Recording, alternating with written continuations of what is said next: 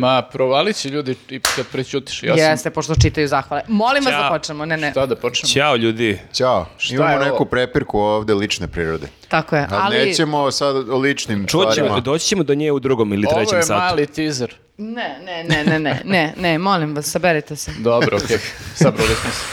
Uh, dobar dan Dobar i dan. dobrodošli. Kakva transformacija? Dobar dan. Dobar dan! Šta ti je profesionalizam, znači ne mogu da Da, verujem. da, čim se uključe kamere, to je potpuno druga Ovo je već gorelo, popkast već gori, znači Mhm. nema ono palimo to, nego već smo krenuli, već Odmah krećemo. u glavu. Da, za razliku od popkasta koji gori, naš terarium se malo sasušio, tako da sad Naš ovde... terarijom je izgoreo. Kristijane, izvini, brate, ne znam šta se dešava, morat ćeš ponovo da dođeš. Terarium je sagoreo. E, E, a a moguće, mislim- da, moguće da sam ga ja ovaj, ubio, a? O E, bože. Pa možda si malo doprineo tome, ali mislim da je radijator presudio. Tako da A, definitivno ovaj, ćemo morati... Počela je sezona grejanja terarijuma. Definitivno ćemo morati negde drugde da ga držimo. Jeste se užele ljudi popkasta? Da. haj. Ej, e, mogu ti reći da jesam. Iako nisam e, pročitao ni pogledao ni približno onoliko stvari koliko sam mislio da ću uspeti Isto, za ove isto. dve nedelje, znači možda čak i manje, jer kako dete postaje sve veće, ja e, nekako imam sve manje vremena. Da, deca Ne, uopšte opet se pravdam, ob- neću se pravdati. Nemaju obzira ta deca uopšte. Nemaju, nemaju obzir. Ja samo nekako nisam, ja sam isto tripovala da ću sad kao ima, pogledam tri serije pa ću da ono na kekečim štek, razumeš, da imam tamo do marta, aprila. Ja sam Aha. svaki slobodan trenutak ja sam koristio da spavam. Pa dobro, i to je okej. Mm, baš smo zainteresovali naše gledalce, kao bit će ovo sjajan popkast, niko Sad ćemo ništa da nije pričamo, uradio. Ali zapravo će biti. Ba, Zapravo, biće. nijedan ništa Biće, nisam. biće, da. Pa dobro, nešto smo uradili. Aha, aha, aha, Aha, ti nisi ništa. Okej. nešto. sam uradila. Ovo ne obećao. Dobro, a, na početku odmah da se zahvalimo svima vama koji nas podržavate na Patreonu i na, da kažem, na Instagramu i na YouTubeu. E, A, moći će uskoro i na Instagramu I da na nas OnlyFansu. podržavaju. To vam Stvarno? nisam rekao, da. Kako? Biće dugme koje se zove subscribe, što znači nešto tipa join na Mhm. YouTubeu i ne znam, ono, na Patreonu isto join. Znači, isto će moći kao da e, kreatoru, odnosno autoru Instagram profila uplatiš nešto ako želiš. A gdje ti saznaš sve te stvari? On je Vid- čovjek iz budućnosti. Video sam da na nekim američkim profilima već ima i kliknuo sam i kao da vidim šta se dešava i kao možeš da mi platiš koliko hoćeš. Na što ti sve klikćeš, druže moj? Ali nisam nikom ništa platio, nemojte da brinete. Bajdic. Nego sam onda istražio, kucu sam u Google, subscribe, Instagram, Serbia. When will I become rich? Yes. Because of my Instagram. When people pay me, Subscribe. My perfect body. yes, to me, money, this Cash, way, cash. this way. I uh, nije, nije, ne, nisu napisali kad će, ali bit će. Znači, Pa to je dobro, mi, ono, da, kod nas sve malo kasnije. Prvo za. Kanadu i Ameriku i za ove neke Japane Za i tako to. Da, a tek onda za nas. Dobro, okej. Okej. E, dakle, hvala vama koji nas za sada podržavate samo na Patreonu i YouTubeu, uskoro e, i na na Instagramu. Instagramu. I naravno, hvala našem prijatelju Konversu koji je i ove sezone sa nama. Da li je to I najjači? na nama. Legend i na nama i na nama. Jeste, da. I u nama, u našim srcima. Tako je. Znači, na, meni i na Viktoru zapravo. Pa dobro, I da. u nama, Jeste, u meni jeste. i Nenadu i na Marku i Viktoru. Jeste, i me, ja imam patike, ne vide se. Mhm. Ne mogu da dižem nogu baš. E, šta da vam kažemo, sem da su... Ša, šta da vam kažem? Šta da vam kažem, prijatelji, sem da uh, su i, uh, i dalje aktualni tu neki popusti, idite na njihov shop, možete da vidite super cool patike, koliko me ljudi majice. pitaju za patike, i moje i one mašine. Mhm. By, by the way, uh, odlične su i jedne i druge za zimu. Nisam, Pa, nisam super. to dovoljno Jesu, puta ja, pomenuo. ja tokom praznika nisam uspeo da izbegnem, a, ovaj, da tako kažem, a, metak, da od, morao sam da odem i da kupim maj jedan par u Ej, ja sam Jasmini kupio za novu godinu. Hte, otišli smo sa namerom da kupi jedan a, model, ali onda videla drugi u koji se zaljubila i kupila i sad eto tako ide i okolo i, i priča kako je modern. Ali to je nemoguće i mi kad smo išli da biramo, ja sam ne znam koliko pari probala i onda sam se kao uh, većala pa pitala ove ljude što rade tamo, zato što kako da izabereš kad... Treba da apelujemo na njih da sm- smanje ponudu. Tako je. Mora se oduševni kad te vide, kao ja, sad, sad će znači, dva sata da imaju- vrši ankete. Imaju ok ponudu, još kad e, daju neki popust, to je ono, znači ne možeš da izađeš iz prodavnice prosto. A sad je milenica, tako da uh, ostavit ćemo vam link ka njihovom shopu, ako već ne možete da se pročitate do njihovih uh, radnji uživo, onda lepo online, cake, cake, cake i kupili ste. I sada da pređemo na uh, glavni deo zbog kojeg smo se danas okupili, a to U- su u velikom broju. For- formalni deo. formalni deo, a od čega ćemo serije ili filmovi? Pa, serije. Serije, serije, definitivno serije. Pogotovo pošto je Viktor pre šest minuta rekao šta sam beše gledao od filmova. A, da, setio sam se, ali a, a kasnije ćemo o tome. Ja sam, boga mi, gledala e, najaktuelniji od svih filmova trenutno. Serija, Koji? Pričamo sad o serijama. serije. Džeja. Ma Čekaj, bre, O, čekaj bre malo, stani, Ne, ajde serije. to posle, sad serije. Serije. Dobro. Ali svaka čast, svaka čast. Hvala. pričat ćeš o tome. Okej. Čekaj, Serije. izvini, zar nije premijera na dan kada ovo snimamo? Ti si išao na novinarsku premijeru. Ne, premijera je bila 17, e, ne, 16. uh, a 17. u Novom Sadu. Ne A, ja sam gde, video u bioskopima a od od 18. 18. je u, u bioskopima. A, okej. Izvinjavam Dobro. se. Dobro, serije. Ko serije. da- ko ja da sam počne? gledao Hoćemo još jednom da kažemo, serija. True Serija. Detective, True Detective sam Tako gledao. je, bre! No- nova sezona. Wow, jednu epizodu ste pogledali, pa svaka vam čast legende. Alo, dečko, aj pogledaj ti još neku mini seriju, pa je prodaj ko seriju. Mene vređaš kad pogledam seriju koja ima 4-5 epizoda, vi ste fotonu pogledali smo i prvu epizodu nove Ali sezone. ja kad sam gledao, ja nisam znao da ima samo jedna epizoda. Naravno da ima samo jedna, izlazi svake nedelje Ti jer si je neće herojski ja ušao, znam? ti si hrabro ušao u taj projekat, ne Da, znajući šta te Ali čeka. Kad je vidio da ima samo jedna epizoda, pogledao još tri serije. Ali pritom, Marko, da ti kažem nešto, to je toliko genijalna serija da smo mogli možda da pogledamo jednu epizodu prve sezone i opet možemo pričamo pola sata koliko je ta serija dobra. Jeste, ja nisam pogledao ovu posljednju epizodu, gledao sam prve tri sezone, stvarno je sjajna serija, jedva čekam i nisam stigao da pogledam ovu prvu epizodu. Ja ću malo da pustim Taman da se se nakupi. barem druga pojavi pa da mogu da vežem. Joj, ne znam šta da vam kažem, ja sam pogledala, pa, u stvari, Viktore, ajde ti. Da, meni, meni je baš e, deluje do jaja. Iako ja ne volim e, u startu, ne volim e, te e, filmove i serije koje se dešavaju na nekom severu. Ne znam zašto, ali nikad me to nije... Ne znam, izvini, moj, greška je u meni. Čovjek svaki put nauči nešto novo od tebe. Pa znam, nego severu nervira me čega? to, zato što generalno nisam neki zimski tip i onda me nervira kad, Kad se svi vidiš tu hladnoću, smrzavaju, se I zato, ako želite kurs norveškog, idite na sever, kod mene dođite. Ne, ne, kažem ja ništa, Norveška je strava zemlja i ova, gde se dešava u nekoj Aljasci nešto? U, Da. Aljaska. Da, Lepo. nešto uglavnom na severu Amerike nekom. Da, da. Nije, brat, Aljaska je leti cool. A ti si bio na Aljasci, a nebitno, uglavnom moj je problem, ne pričamo sad o mojim problemima. E, I pored toga što je e, sranje setting, meni se, baš, baš mi se svidjelo prvo, ali ja isto volim, e, ja nisam gledao drugu sezonu, moram da kažem, Aha. da se ogradim.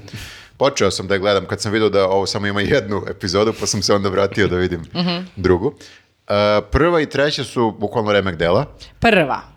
I treća, I remek, treća remek treća. dela. Meni je bre i druga, ja, mislim, ali to je problem kod tih serija, barem ja imam taj problem kada prođe mnogo vremena, se ti pogledaš prvu sezonu i bude ludilo i onda nakon dve godine gledaš drugu koja isto bude super i sad meni je teško da ja uporedim kakva je odnosu na prvu sezonu jer je prošlo mnogo vremena. To je jedino ko u cugu gledaš pa onda možeš da kažeš šta je bolje, šta je gore. Ne, naravno, ali jako mi je interesantan taj koncept koji su oni kao izmislili, a tu, tu je već koliko desetina godina taj koncept da detektivi rješavaju slučaj. Međutim, nekako kao da su ga ponovo iz- izmislili. Ne znam kako to da, da objasnim. Detektivi koji mnogo pričaju. Da, i ovaj, I dosta su mračni. dosta su Baš mračni. mračni, da. I ima tih, ajde kažemo, realnih vrlo uh, uh, realnih stvari koje se dešavaju. Ne, ne rešava se slučaj odmah i niko nije genijalan nešto posebno, nego ga ne reše zapravo i onda mu se tek vrate, jel, posle x. Meni se sviđa i taj moment okultnog koji se ubacuje, da ti sad kao ispituješ i te neke malo, neke sekte, neke običaje, neke sada ne... Ma da, to nešto mračno u čoveku. jel? Jeste. Zlo. A dobro, a recite mi, pošto nisam baš gledao u prvu epizodu nove, nove sezone, koji je zaplet? Šta se, mislim, neko je mrtav, pretpostavljam. Mnogi su mrtvi. Mnogi su mrtvi. Ubre. Mnogi su mrtvi ili barem nestali u prvoj epizodi. A, izvini. Dobro, izbacit ćemo ovo. Izbacit ćemo. Izvini, izvini, ali kako... Ne verujem. Kako uspeli spojiliš prvu epizodu već? Ne znam, ne znam, ali samo je izletelo iz mene. Izvinite, molim vas. Budući gledaj prvih sedam minuta prve epizode i to pričaj. I- A možemo da izbacimo, izvinite. Bipa, bipovat ćemo, mislim da je... Bipovat ćemo. Zaplet je ovakav, istraživačka stanica na Arktiki, Arktiku. Arktik je, bravo, Arktik je. Upa, to je baš sever, Nije baš Znači, ni Znači, Aljaska, nije da. Aljaska, se, bravo, bravo, moja greška. Znači, još grđe ono, Da. hladnoća i sve, sve je zamrznuto. Jesam izmislila ili jeste? Nisi Da, da. izmislila, znači Stanica negde, je tu. negde je baš, ono, što je moguće e, dalje, odnosno bliže severnom Mhm. polu. E, uglavnom, mrak je non stop, isto je još jedna od e, stvari koje ćete verovatno uživati u seriji.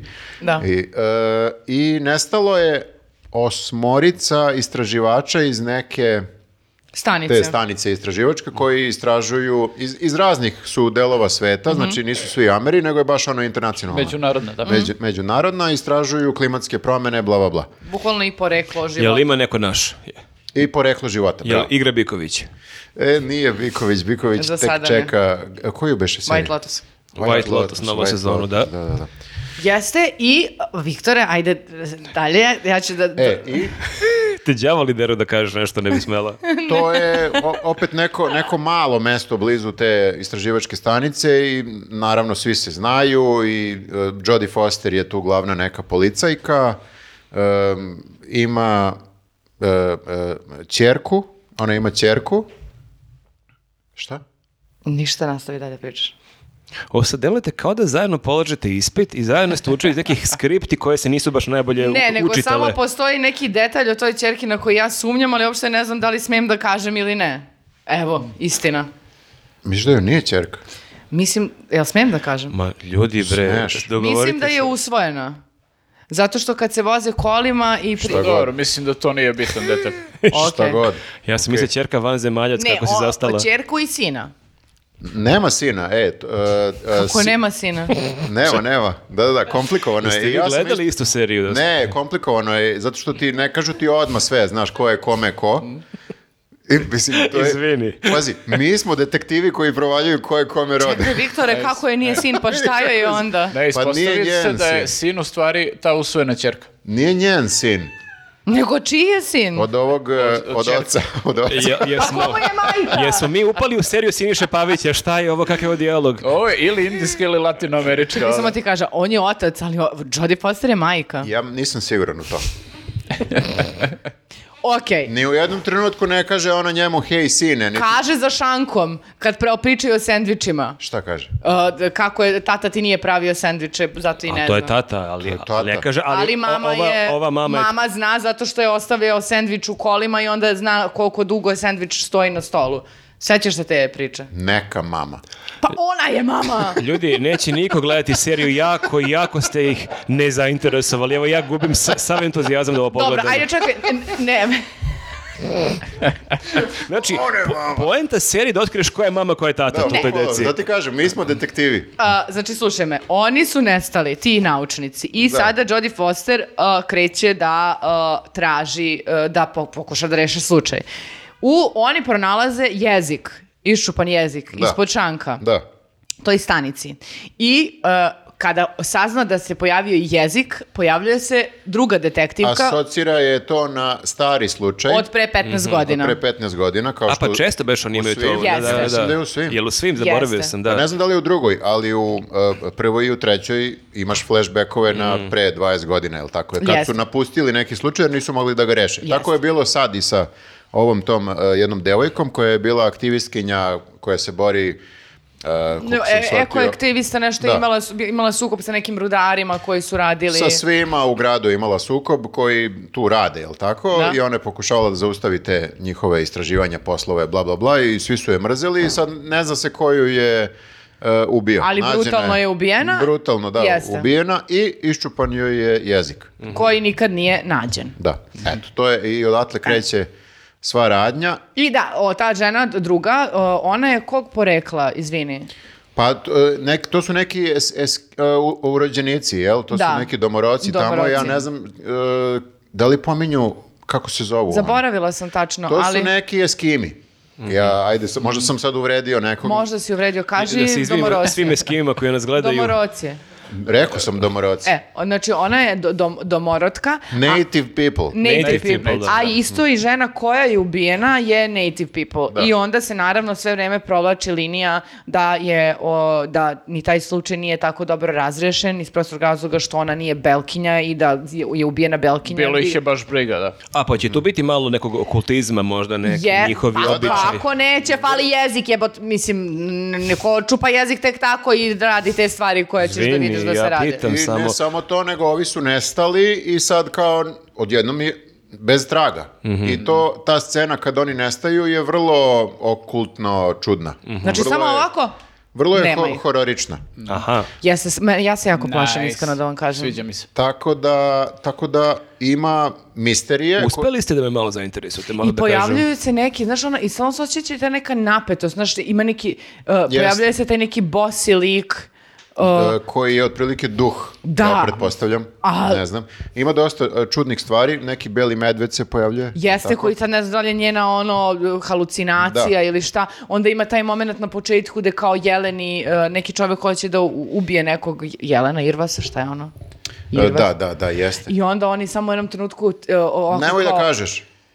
E ti da... Nemoj da kažeš. Pa to je prva scena. Pa znam, nemoj da Dobro, kažeš. neću da kažem. Ljudi moraju da se kapiraš. Ok, svakako... Da, i motiv Jelena, izvini, ovaj, uh, uh, sve češće primećujem u tim nekim psihološkim trilerima, ovaj, hororima i u onoj knjizi, uh, što sam pričao nedavno, Plen, Mhm. uh, isto se pojavljuje Jelen.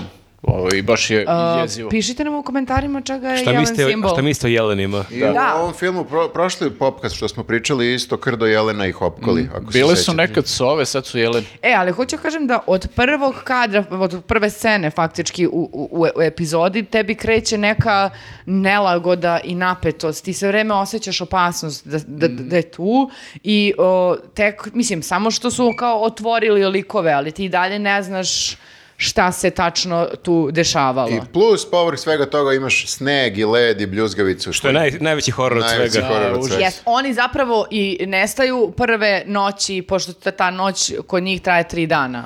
A čekaj, u svakoj sezoni, ako se ne varam, su i bile kao neka dva detektiva. I sad je Jodie Foster još, ima još nekog Pa u ta sebe. domorotka Ta- koja je bila do- e, e, detektivka, ali je skinuta sa slučaja i sada je regularna policajka. Da, da. I one su kao tandem sad da će rešavati Pa one zajedno. su u prvoj epizodi, verovatno će rešavati zajedno, ali u prvoj epizodi su baš e, posvađane i ne Da, to obično tako bude. Jeste, ali prosto ova osjeća odgovornost zato što nije otkrila ko je ubica ove e, devojke od pre 15 godina i neće da se skloni ovaj u fazonu, brate, pali, nisi, ti si policajka, ovo u fazonu, brate, proganja me moram. I Super je. U svakom Da. slučaju, baš je ono da te, da te zgrabi i sad, sad me nervira što nema da izbinđujem sve Ne, ne, tačno je, e, tako je napravljena prva epizoda da si u fazonu da postoji još devet komada, sela bi rekla, prijatelji, nećete me vidjeti, ono, Ako ste u tom fazonu da ne možete da izdržite, ako ste se navikli na binđovanje, možda preporuka da sačekate da izađu sve. Ako imate baš Koliko će biti? Os, osam epizoda ili, ja se zna? ja ne E, znam. ne znam. Nisam, nisam, nisam pogledao. Da se ne sjećam, da li je bilo ovih do Ovih sada osam ili po šest? Bilo osam, ja mislim. Sve u svemu, dosta napeto. Uh, ja možda nisam reper za sekiraciju, pošto me plaše razne stvari, ali ovo me onako, dos, ovo je vrhunac mo- mog straha koji mogu da ono iznesem, a vidim da će biti još luđe. Znači, baš je onako sve se meša i, i, i, i- i ti neki ne, ne, neobične neke pojave i, i Ja- ja sekte i uvek tu- ubistva i trčanje i Još sneg. samo, još samo Trčanje je ipak najveći još horor. samo zombije da ubaci. Ja se ovo što pričate zvuči zanimljivo, nego se uvek pitam kad je takav neki ludilo zaplet kako će rešiti to. I uvek se pribojevam da kraj ne bude onako njeh.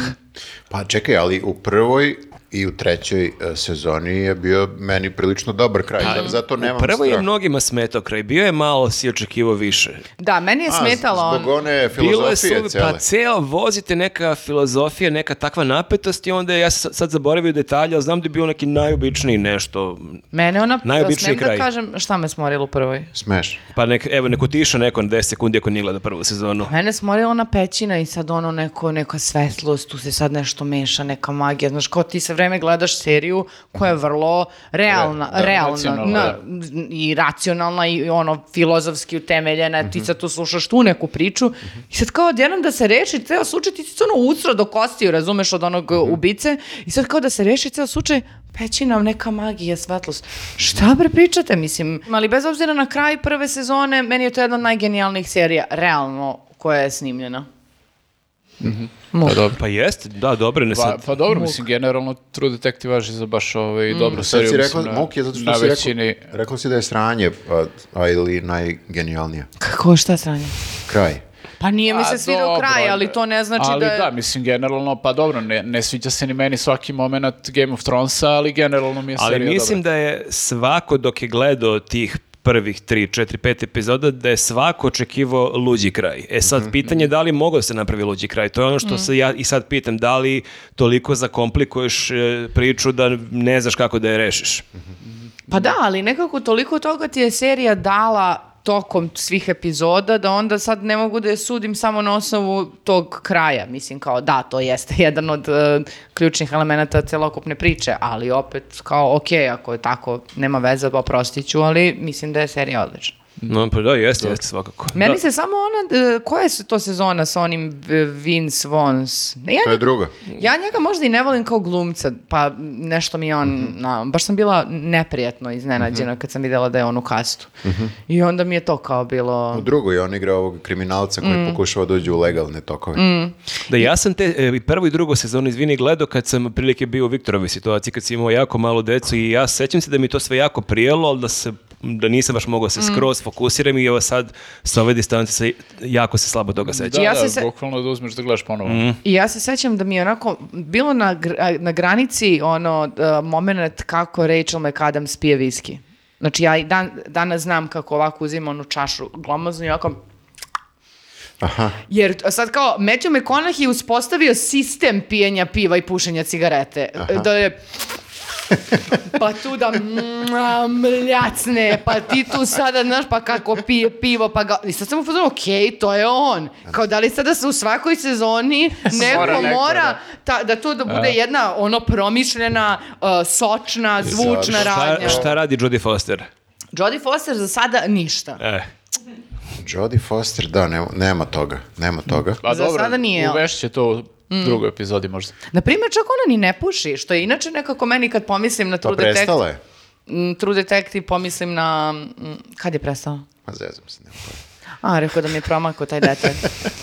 A, ne, nego zato što kad pomisliš na True Detective, zaista onako o- os- o- odmah osetim miris e, cigarete. Ne znam zašto, valjda. Da, zato što zato što- svi zato konstantno zato puše. što si da. pušač, da. Ne, nego zato što u, sva, u Pa ne- svakoj od sezona je neko užasno Jeste, mnogo ali pušio. evo, to mi uopšte nije asocijacija na seriju. Tako da mislim da, Da, ti to primetiš i se identifikuješ. Meni je više Mad Men, kad se, kad se pomene pušenje kao Da, da, Mad ono, Men mi je... kad bukvalno svi puše. da, kao to kad su počeli Da. cigarete se prodaju. U avionu. Da, neverovatno. Najbolja stvar na svetu. Ali pušiš u avionu, ali pozadi se puše, ne možeš napred. Brate, pušila bi napred ako treba, samo da... Na krilu. U A jatu. to mi je super rezon, kao da da, ali pozadi je tamo ovde, da bude svež vazduh, tamo je, ali to se možda malo meša, ne znam da li ste ukapirali. Da, ali najbolje mi je bilo i stewardese isto puše. Ali kad Da, da. puše, odu pozad. Da. Dobro. A, ko je sledeći? Uh, hoćeš ti Ilija? Ajde Marko, da se Ajde. menjamo. Ajde, ako si pita. A čekaj, on će ovo je vaše, vi ste zajedno ovo prezentovali, ili imaš ti još neko posle? Što si ti neka učiteljica? Ne, si- pitam samo. ovo zajedno A prezentovali? ne, zašto imamo samo jednu epizodu i sad kao baš smo se pokazali. Ne, razočaran je. Ne trebalo je da pogleda tipa Viktor prvu polovinu prve epizode, ti ti drugu polovinu ili obrnuto. Ne, bolje obrnuto je da ja ne budem... Da ne zasereš. Da, da ne zaserem, ali... Manje spoiler. Ne, vidim da je Marko duboko nezadovoljan i prekjuče je izrazio to nezadovoljstvo, kao samo ćete o tome da Ne, ne, pričate. ali, ali, e, da, upravo si, zvučao sam možda da, da kritikujem, ali zapravo sam jako ponosan na vas kako ste uspeli, jer sam, ja sam sumnjao da na osnovu jedne epizode može se nešto dosta priča, ali ste baš lepo pričali. Kako, koliko dugo godina treba da prođe, da mi radimo i, zajedno da, živimo, stvaramo, da ti imaš poverenje u nas da ćemo mi uraditi dobar posao? Ja, ja sam ponosan na vas, stvarno. Ne, Hvala su- ti, super, stvarno bilo, bilo jako zabavno. Bilo, Perfekcioniste. bilo je jako zabavno, slušajte vas, pogotovo kada niste ukapirali jednu istu stvar, a oba ste gledali. Tako da, evo, E, vidjet ćemo u drugoj epizodi ovo razrešenje, ove naše misterije, ko je kome Pa majka. čekaj, ali dok našeg narednog popkasta bit će još dve epizode, tako da će onda biti dosta materijala. Uveliko, tad ćemo vidjeti ko je strina, ko je... Da, da, to Ali ja vas molim da svi gledate, da ne bude da ja sad nešto spojlujem, razumeš? A Jer kad budu dve, e, iza, iza, izašle još dve, Mo da, tad ćemo da spojlujemo uveliko. Biće mnogo Da, da, materi... to Mislim, je- morat ćemo da pričamo o svakoj epizodi. E, Sad se pripremite na to, razumeš? Ljudi, znači... Znači imate direktan prenos True Detective ovaj, Jeste, I, a i moraju da drže korak sa nama, jer nemoj posle da bude, da kažem ja, ko je pronađen mrtav i onda da kaže ona spojlovala. A nisam, nego kao niste Znači, pogledali. dragi prijatelji, imate dve nedelje. Nemojte da nešto džabolebarite. Imate dve Tri nedelje, da, epizode. 14 dana za tri epizode, Yes, stvarno je to moguće. yes. Sad se me podsjetilo, to je bila neka urbana legenda kad je bila Kassandra 97. popularna da je neki lik na pijaci za dinar prepričavao narodne epizode. Jer navodno je da li u Bugarskoj i Rumuniji išla ranije, tipa oni su žurili 30 epizoda za nama. A oni su švercovali robu od Jeste i onda, si imao mogao da mu platiš. informacije sa izvora. Zamisli to, narodno predanje. Da. Okupe se oko tezge. To ja ne znam da li je dokazano, to sam čuo, moguće da je ono urbana legenda, ali je- 100%. želim da verujem u tu Filip priču. Višnjić naših dana. Da. Ja to mogu da razumem. Ja sam inače jako bila naložena na onu seriju Ruby. To je bila prva španska serija u kojoj je protagonistkinja zapravo loš lik, jer je uglavnom ona predivna, nežna, ono, golubica A ovdje, uh, ovdje je nevina. bila uzurpadora. Uzurpa, uzurpadora, jeste. I sećam se da je a, finale serije bilo na dan kada je bila premijera, recimo, Zone Zamfirove u Kragovicu, gde sam išla s mamom, tatom i sestrom. I nikad nisam pogledala kraj. I tek posle, kad je izašao na YouTube-u, to je mene stvarno proganjalo. Vi znate ko ja... Znaš, ono kad si u nečemu toliko pogledaš, ono 50... I propustiš onda I propustiš finale. kraj, nemaš da vratiš, brate, Da, ali nema... je to bukvalno 150 epizoda, to one su imale po, preko 100 epizoda. Da, i ja sam tek onda kad je to na YouTube-u bilo, ja sam pustila posle ne znam koliko vremena da pogledam tu posljednju epizodu, majke mi uopšte Je li nije... opravdalo očekivanje? Uopšte mi nije bilo prijatno, Jel baš je bolje bilo to ili True strašno. Detective? Pa ne znam, znači, Ruby mi je ono, Zavisi kad gledaš. To i ono što je nešto bila sa ubistvom, neka ona ma- mlada što je išla i ubijala, to mi je bila Isto španska ili? isto španska Pa serija. nisam ja gledao ni jednu. Kad kažete španski, mislite ove telenovela, lat, Da, latino. nisam latino, ni jednu gledao, moram ti kažem. ni jednu. Pa, dosadno je.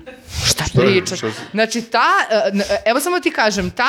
e, Sam ja lud Špa- ili ono dosadno? Evo, molim vas, ako neko se seća, sad ću vam kažem, znači, je da ide neka krvava mlada i ubija. Čekaj, zato nisu sve serije neki zapleti, prevare i To je- ostalo. Da. Jeste, zato je po tome ovaj drugačija. Pričam ti o dve serije koje su, možda je to čak i ista serija.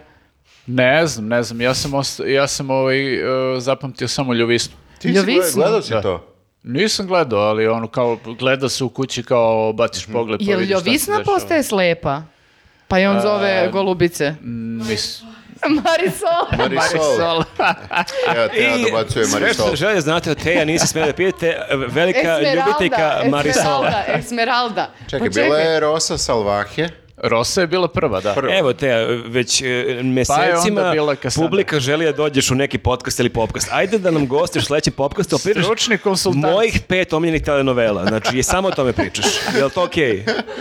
Stru- Pokazala je ovo, znači evo imamo dokaz. Stručni konsultant za Može, ovaj, može, može. Ne, i- Latino i kod serije. mene je to gorelo u kući, znaš, kao gled, gledale, ne znam, Keva, baba, uh, uglavnom ove žene neke, i, ali ja nikad nisam uh, to, uvek mi je bilo to, pogledam malo i već posle tri scene ja sam toliko sam se smorio, toliko sam mi je dosadno. Ne, ja sam gledao, ubijala. ma- ja sam uhvatio malo Kassandre, ali ono, nekih desetak epizoda, ali mi je to bilo jako zanimljivo, taj e, sistem, kao imaš 150 epizoda, kako oni moraju da kupuju vreme i kako, kako ih gledaju, vjerojatno i dementni ljudi, i onda moraju da jedno te isto ponove 20 puta i onda kao ti i ja se posvađamo, vidiš našu scenu, onda ja odem kod savjete, sad smo se Viktorija posvađali, onda njoj prepričam detalje, onda ti odeš Da. kod Nenada Ili i onda ti, sećaju- ti njemu prepričaš, Da. onda imaš moj monolog, što sam ono rekao Viktor, on- onda imaš tvoj monolog, znači bukvalno iz devet uglova, ono kao Rašomon, iz devet uglova imaš najbanalnije Ili se svađaju i onda kaže, ali ti si meni onda rekao to i onda se vrate na neku od ranijih A epizoda. zašto je veše bilo da su ljudi se primili pa da su pisali peticiju? Za Za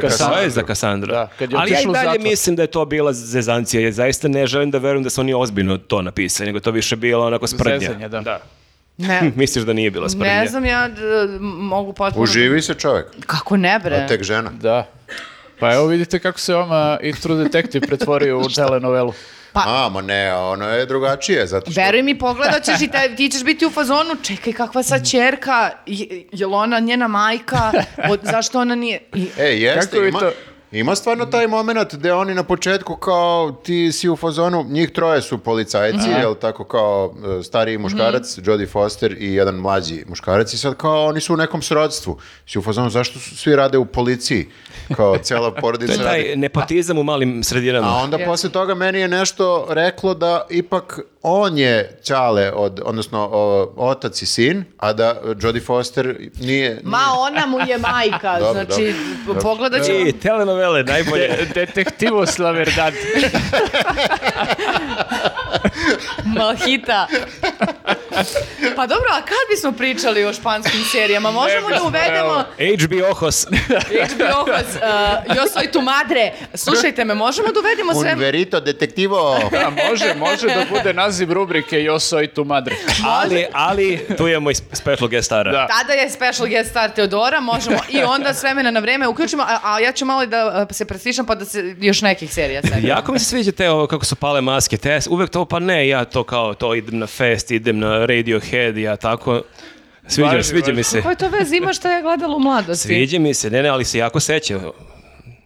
Do detalja se seća, to mi se sviđa. Ne, Pa ne, to samo govori o tome da ima dobro sećanje, a ne da je veliki fan španskih serija. Pa Nemoj sad dobro, da ajde, mi vi- ruši vidjet iluziju. ćemo, vidjet ćemo. Uno grande... eh, eh, eh, Maldita, una grande maldita. ne znam španski, to je moj veliki minus. Ja sam naučila španski preko španskih serija i ja sad kad odem u, kad Španiju. odem u Španiju, ja razumem šta mi kažu. E, to će ti jako mnogo značiti. Mi smo bili sada nekoliko dana u Barceloni, Valenciji i ja sam bio frapiran. Pričao sam vam do koje mere španci ne znaju engleski, ali španci u hotelu čovjek na recepciji natuca, bukvalno, a ovi koji izdaju Airbnb ništa ne znaju. Da, i ne I zanima ih. Jasmina moja u detinjstvu takođe pratila neke latino serije i ona ima neki baš najelementarniji nivo poznavanja, to nam je spasilo život. Tipa spasilo nas je i na stanici, imali smo neku, e, otišli smo na pogrešnu stanicu e, za voz i da nije ona znala te neki najelementarniji španski, nikad ne bismo kapirali da treba da uzmemo taksi da odemo na drugu stanicu. Jer niko reč engleskog ne zna. Eto i posle kažete da telenovele nisu korisne. Ne treba ti telenovela da razumeš španski, ali dobro. Pa kako ti onda ne razumeš, a ja razumem? Šta ti Ne, to govori? Ja ne znam da pričam, znam, razumem sve. Mislim, španski, sve, sve reči su...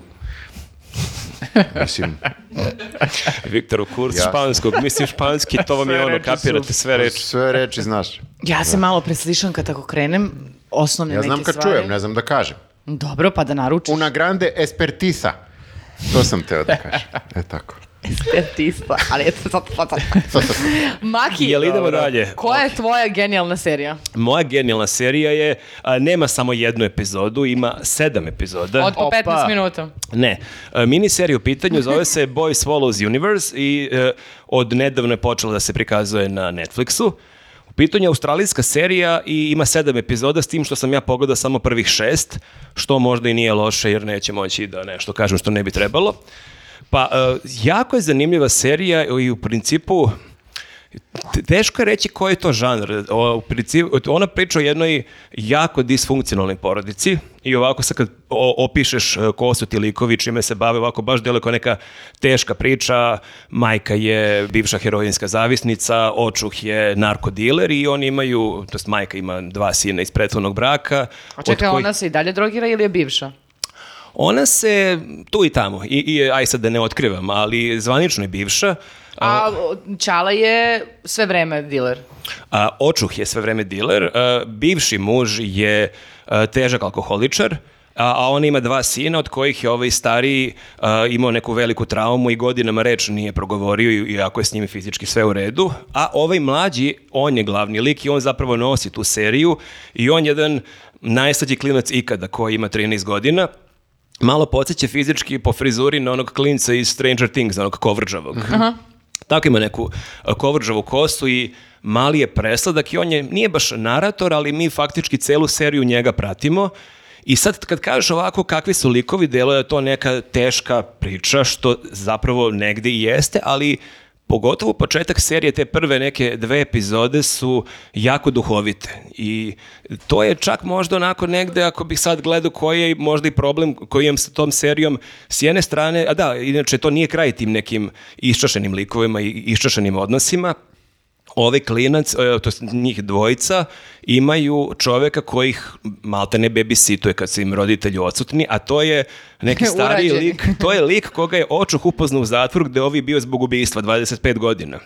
I on Lepa čuva, ekipa. a u sve to se ovaj e, mlađi sin dopisuje, ima kao pen frienda nekog lika koji je u zatvoru. Odrasli E, čovek. Podsjeća, mislim, A ali, kako je upoznao? Ka- kako je upoznao? Pa imaš to da se dopisuješ Da, ja mislim da ga nikad nije ni upoznao, oni samo razmenjuju pisma. Da. Ako hoćeš da budeš pen pal s nekim iz zatvora, možeš to. Stvarno? Da. Da, i sad to ja ovo kad i- ispričam likove, deluje dosta konfuzno i možda deluje kao šta je sad pa ovo, što u principu i nije lako definisati kakva je serija, jer kad počne, ona je vrlo duhovita, Izvini, teo sam da kažem, podsje- izvini što te prekidam, na slobodno. Shameless, setio sam se Da, kako se zove, ali oni su baš full komedija, samo što je porodica Mene kari- malo karikirano. Ja nisam Shameless previše gledao, me podsjetilo malo, ali ovdje ti u startu serija počinje nekim akcionim zapletom, vidiš njega kidnapuju da, očuha nije- neka nije mafija, komedija u tako da, u, Da. ti vidiš da će tu biti nekih ozbiljnih sranja, ali tebe voze prve dve epizode jako dobrim humorom i tu je taj klinac genijalan, on je jedno preslatko, prepametno dete koji ima milion potpitanji i koji ovako baš nema ono dobar osjećaj kad treba da ućuti i onda su tu neke komične situacije gde ne znam, čovek izvadi nož na ivici da ubije nekog i on ga pita neku glupost i potpuno skrene pažnju. A šta je kao glavni uh, z- z- zaplet, o, kao šta, o, šta oni, o čemu se To kao... kidnapovanje, ili... Glavni, pa, e, glavni zapet, to je zapravo priča neka o odrastanju. Mi najviše pratimo tog klinca, njegovog brata i njihovu porodicu, kako oni prolaze kroz razne teške situacije i to je ono što sam teo da kažem. S jedne strane je e, jako lepo što serija nosi tu poruku da to što je neko sa druge strane zakona što ima neke probleme, da ne znači da on nužno neki antihrist. Ono što meni malo smete je što se previše romantizuju neki likovi. Mislim, ti ovdje imaš čovjeka koji je diler heroina, on je najsimpatičniji, takav jedan divan čovjek, divan otac, brižan, pun topline, pun ljubavi i ti njegovog lika obožavaš, ali onda se pitaš malo pa dobro, da li je realno postoji neki diler heroina koji je baš ovoliko divan čovjek? Tako Pa da mi se možda či- i postoji, mislim, samo mi imamo sad stereotip u glavi kako izgleda Lerdi, a možda su to neki dobri ljudi, samo i jebi ga to rade. Pa, znaš šta, to je, imali smo više puta tu dilemu i kad je reč o romantizaciji nekih ubica u nekim serijama, tako da mislim da ovu seriju treba gledati da u startu kažeš ovo nije realizam, znači ovo nije realan život, ovo treba da prihvatiš neka malo drugačija pravila i da je tako na taj način posmatraš, a da, hoću da kažem da kako serija odmiče, sve je manje humora, sve je to ozbiljnije priče, njima se dešavaju neke vrlo ni malo prijatne situacije, tu ima i sad da ne otkrivam šta se sve dešava, ali dakle ne može se reći uopšte da je komedija, iako prve dve epizode jesu dosta duhovite i dosta zabavne, tako da zaista ovako jedna velika preporuka, zaista veliko, uh, veliko otkriće bila ova serija i taj klinac je stvarno pregenijalan. Pa dobro, meni malo podsjetilo to uh, na seriju Vic, gde ti isto imaš uh, uh, taj, tu dilemu da je ova glavna juna, junakinja da bi opstala prosto sa svojom decom i da bi ono kao u tom nekom društvu surovom u kojem živi preživela, ona između ostalog uh, u nekim fazama života i diluje i svašta nešto radi. Ali ti kao vidiš sve vreme kao da je on ovako dobra osoba, mislim, ne možeš da kažeš da je zao lik, ali eto, mislim, radi taj posao koji radi i posao, mislim, i imaš, imaš prosto tu dilemu, kao da li neko može da se posmatra kao, ne znam, moralno dobar ako radi takve Pa stvari. znaš šta, ovdje je samo meni problem što ti imaš dilera heroina, čovjeka koji je bio u zatvoru zbog ubistva i robijaša i svi su, Svi su na, na super, hleb da, da, ih mažeš. Znaš, taj, taj deo je malo onako, ajde, diskutabilan. E, Da. Da, e, zanimljivo je je- ovaj i dalje diler. u ovoj seriji je zanimljivo što imaš tu neku obrnutu situaciju, što imaš malo i u seriji Shameless, imaš taj moment gde su deca odgovornije od roditelja, da su deca ta koja drže porodicu Da, u na okupu. Shamelessu je otac najveći kretan koji postoji, ono. Da, da, ovdje imaš taj problem da, ajde sad je i majka ima dalje neke probleme, ovdje, dakle, ta dva sina, dva brata zapravo, oni su ti koji su ono, faktor stabilnosti, ovaj ima 13 godina, ovaj ne za 15-16. Ali da, zaista veliko osveženje, vrlo simpatična serija, evo ima sedam epizoda, tako da i ne iziskuje nešto previše vremena, Boys Follows Universe eh, na Netflixu. E, cool, dobro, ja sam, ja sam ovaj na Netflixu ovaj nešto gledao, ima osam epizoda. Opa, ti si rekorder. Rekorder za ovu epizodu, da. Uh, Fool Me Once sam gledao, to je ova sad o kojoj svi pričaju serija. Uh, ja sam krenuo da je gledam i kao nije još tad bio neki hype i u jednom trenutku kao svi pričaju o seriji, pričaju o njoj kao da je potpuno ono uh, vanserijska i genijalna. Uh, mislim, meni nije toliko dobra. Možda si imao Ovaj, očekivanja podignute. Uh, pa mislim, uh, definitivno se ne poklapa ono što ja gledam sa ovim uh, nekim Hajpom. uh, hajpom koji postoji i utiscima drugih ljudi, Moram, jer pri- stvarno... moram kažem, meni promako te hype, očekujem koja je to serija. To je britanska serija, rađena je po o, knjezi Harlana Cobena, ovaj, američkog autora. I meni koji- je, da, i meni je promaklo, ali Keva mi danas rekla, ovaj, kako se zove, da je i ona čula da je to neka serija koja će da ne znam ja kakvu gledanost ima. Da, da, to je, mislim, je, mislim da i već sad ima ovaj, dosta veliku gledanost i kao ovaj, 2016. je izašla knjiga i sad su Britanci uradili seriju. Uh, I uh, serija govori o toj jednoj uh, ženi koja je bivši uh, bivši pripadni, pripadnica je vojske nekad bila, bila je na raznim ratištima i kao vidiš odmah ovaj, da, da je tamo napravila neko sranje koje proganja. I ona je ovaj, zapravo počinje serija tako što ovaj, ti saznaješ da je njen muž nedavno nastradao, ali u jednom trenutku ona, ovaj, pošto je u kući ima kamere nadzorne i ne znam, ovaj, uh, može da gleda recimo beba šta radi dadilja dok je sa njom, ona u jednom trenutku na snimku nekom htela da pregleda šta, šta radi valjda dadilja ili ne znam šta je htela da vidi, uglavnom vidi na snimku čoveka u košulji zelenoj njenog muža koji dolazi do bebe i e, ono mazi bebu i kao tu bude malo sa njom i okrene se kao i ono vidi kao da je to njen muž. I sad ti ne znaš, ovaj, mislim, ni ona ne zna da li se njoj priviđa, da li je to neka nameštaljka, da li je počela da ludi i svašta nešto. Uh, I uh, saznaješ da je u njoj u istom nekom periodu i sestra ubijena, njoj je muž ubijen inače ovaj, i nije još u tom momentu razrešeno uh, koga je ubio, zašto, potpuno je misterija oko toga. Uh, onda uvode u priču i to da je sestra ubijena malo pre toga i to isto nemaš pojma ovaj, koja je priča. I onda oni kreću da razvijaju priču, da, da uvode neke nove likove i sad uh, ovaj, do kraja serije uh, baš onako, mislim, dobra je, dobra je serija u smislu da te vozi, da ti drži pažnju, da lepo vode oni radnju, ali uh, kako ide serija, uh, čak i kad nisi neki pasionirani ljubitelj takvih serija, ne mogu da ti ne promaknu neke rupčage u, u radnji, u logici, ono, onoga što odgledao si celu? Odgledao sam celu, da. I uh, uh, kraj serije, ono, uh, ja sam isto bojao ovo što Marko kaže da, da ne zabrljaju kraj i kad, sam, kad se završila serija, ok, mogu da kažem da, da je kraj dobar, ali opet i, i tu su napravili neki gaf koji je tu, mislim, ne znam da li će lju- ljudi da primete, ja sam primetio te neke rupe koje vidim da, da je dosta ljudi primetilo iste te neke nelogičnosti nedoslednosti, ali generalno je dobra serija, mislim, ono, za, za, ovaj, za taj žanr, mislim, vozi sve vreme i drži ti napetosti, ovaj, Malo mi je negde kao, da, dobro, Lost je bio katastrofa, ono što se tiče završetka samog, malo mi je ovaj, uh, možda približnija, Ta, potom... ta vrsta misterije. Kao Nije, malo- nije, ne, ne, nije uopšte na tu, potpuno je A čekaj, racionalna je priča. barem prve 3, 4, 5 epizode bilo sve super, pa te razočarao kraj ili si u startu vidio da ti to baš ne leži? Uh, prvih 3, 4, 5 epizoda su super.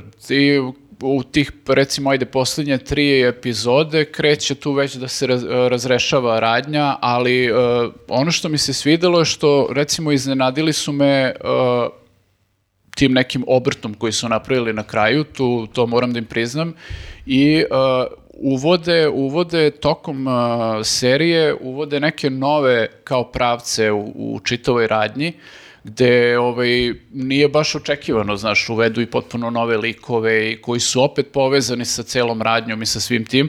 Tako da, generalno, ne mogu da kažem, nije loša serija, samo eto, ima tih nekih ono nedoslednosti koji su mi onako bile malo amaterske. Eto, ovaj, kad imaš uh, takvog autora, mislim, Coben je inače poznat po takvim knjigama, uh, imaš takvog autora i kao uh, imaš mi, mini seriju, znači nemaš potrebe da razvlačiš nešto radnju i ne znam šta, znači imaš ovaj, definisano već koliko će to da traje i imaš prosto prostor lep da, da razradiš celu radnju i da sve te neke repove, ako ih ima, da ih ukloniš, da ih, sre- da ih središ, oni su propustili te neke stvari, tako da eto, to mi onako malo zasmetalo, ali generalno ovaj, e, zaslužuje serija hype, možda ne ovoliki, koliki vidim da jeste, vidim da su baš ljudi odlepili, Tvoja Ovaj, majka nije još došla do posljednje dve epizode. Moja majka je nije još krenula da gleda, ona je samo čula za hype koji je, ja se tako informišem preko moje majke. E, a reci mi, taj pisac, ne zvuči mi poznato, je li radio on još, je li radio on još neku film, neki seriju koji je bio aktualan? E, ja ne znam šta je on, e, po čemu Što još... mene gledaš? Ako Marko ne zna... Ne, ne, ja da, da. te pisce trilera strane slabo poznajem, nego... Ja, ja mislim da jeste, vidio sam Ovo je njegovo dosta ime. popularan, ali ja ne znam šta je još ovaj pre toga Kako pisao se i radio. zove? Harlan Coben.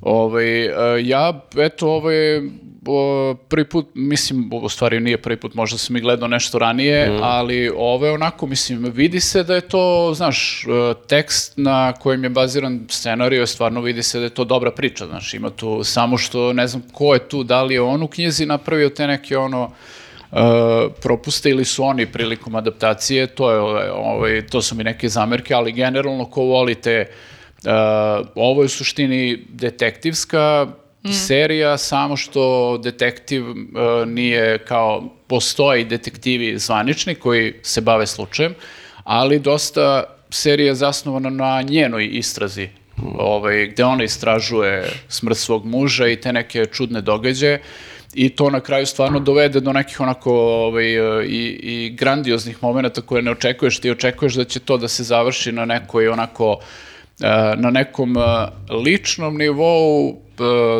na nekim ličnim odnosima, ali zapravo iza toga stoji malo je neka e, šira priča koju ti saznaš to kao, ovaj, kako se razvija radnja. Tako da, eto, mislim, ako volite takve detektivske serije, e, preporuka.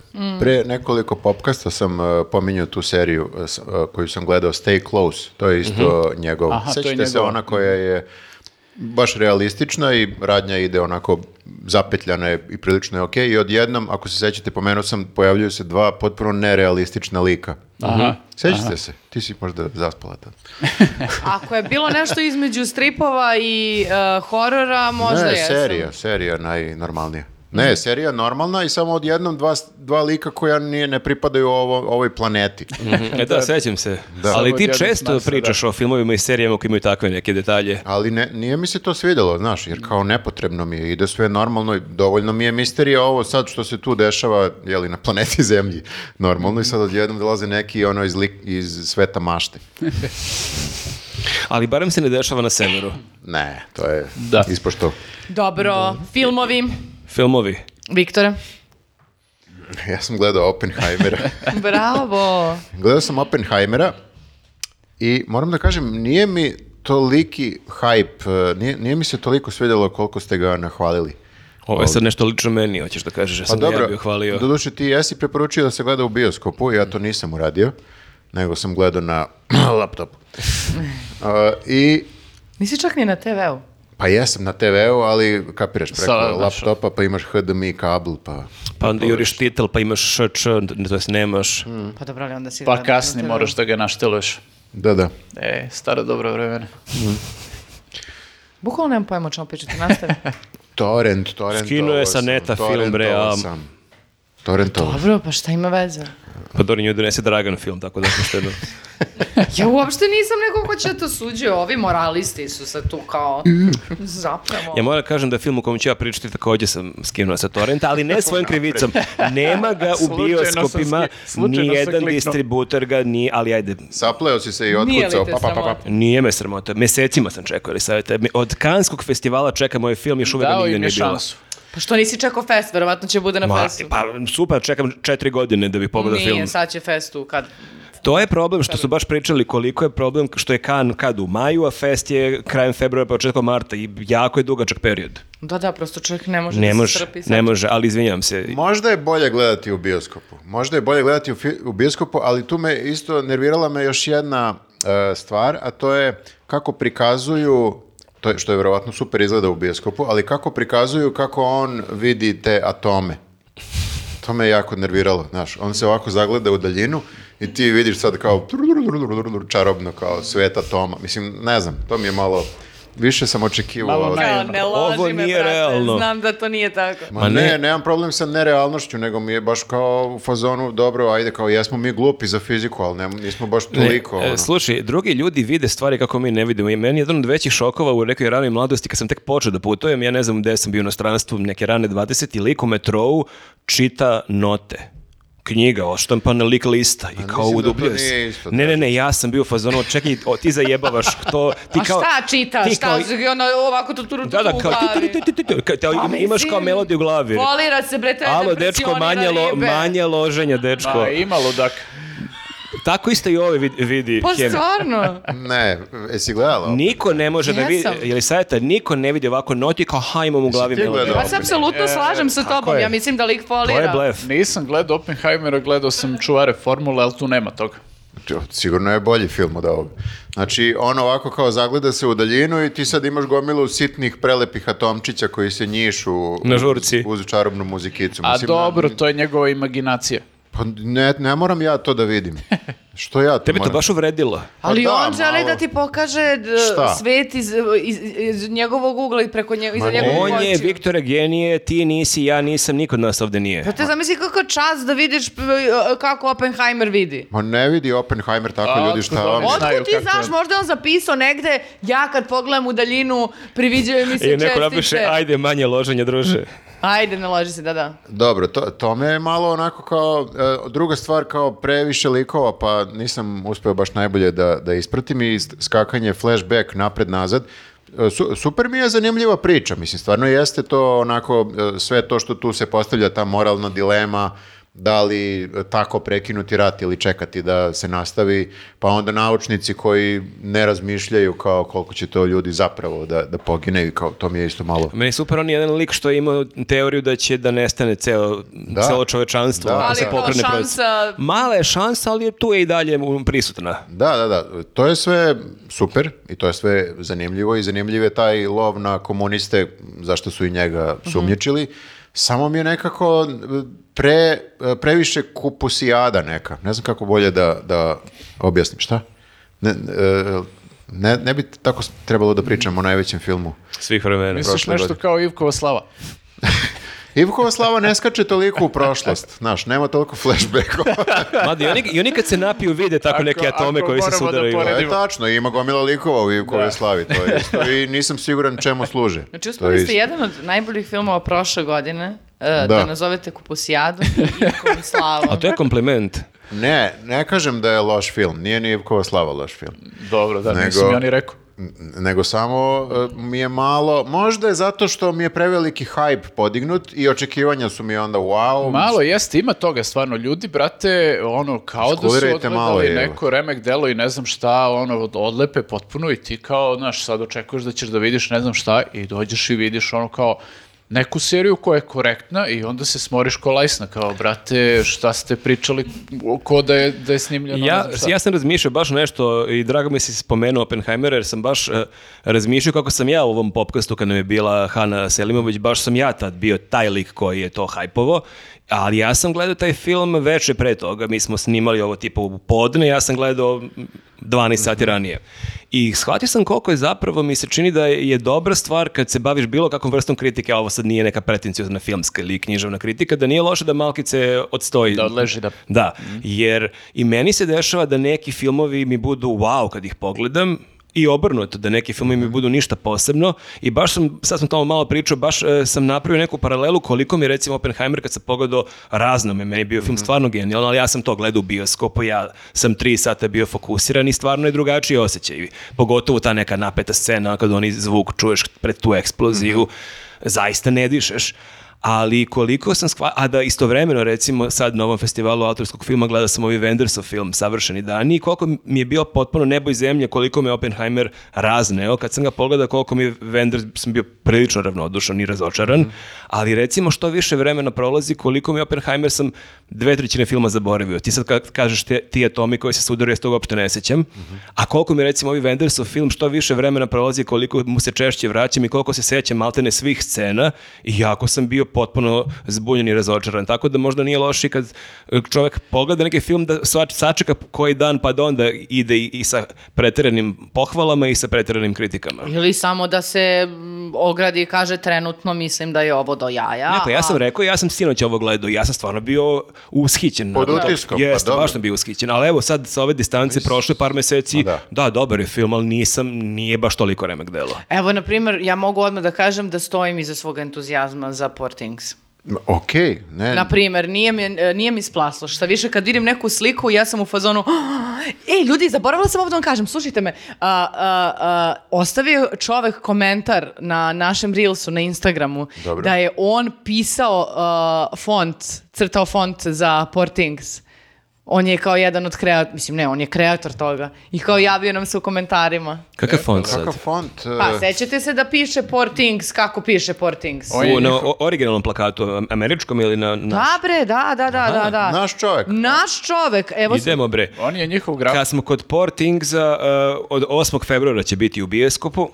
O, da, Su mnogi ljudi pitali kada će biti, ja sam to pitao jer ja nisam stigao da ga pogledam i jedva čekam. Ja evo sam ga, hteo- Vladimir, Aha, reci. Vladimir a, Radibratović. Mhm. I kaže, je li savjeta je skroz u pravu, film je van serijski a, i za svaku pohvalu, a sad ja da se hvalim, sva rukom pisana slova za taj film od naslova, poglavlja, imena glumaca do posljednjih imena ljudi koji su dali doprinos filmu je moja ruka Čekaj, ispisala. on ima najlepši rukopis na E, svetu. Da, tako da veliki pozdrav za Vladimir, baš smo ponosni na vas!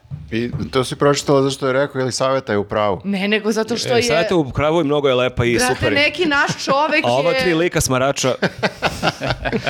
Šalim se, lep se, komentar, da. svaka čast Svaka Vladimire. čast, svaka čast. Da, ja nisam gledao film, pa uopšte ne znam da je nešto pisano rukom. Ja sam teo da, da ga skinem s torrenta, ali sam odustao pošto ne postoji dobra kopija. Mm. Sačekaj, evo, 8. februar, to je ću, tu pa nadomak. Sam. Sačekao sam. Da.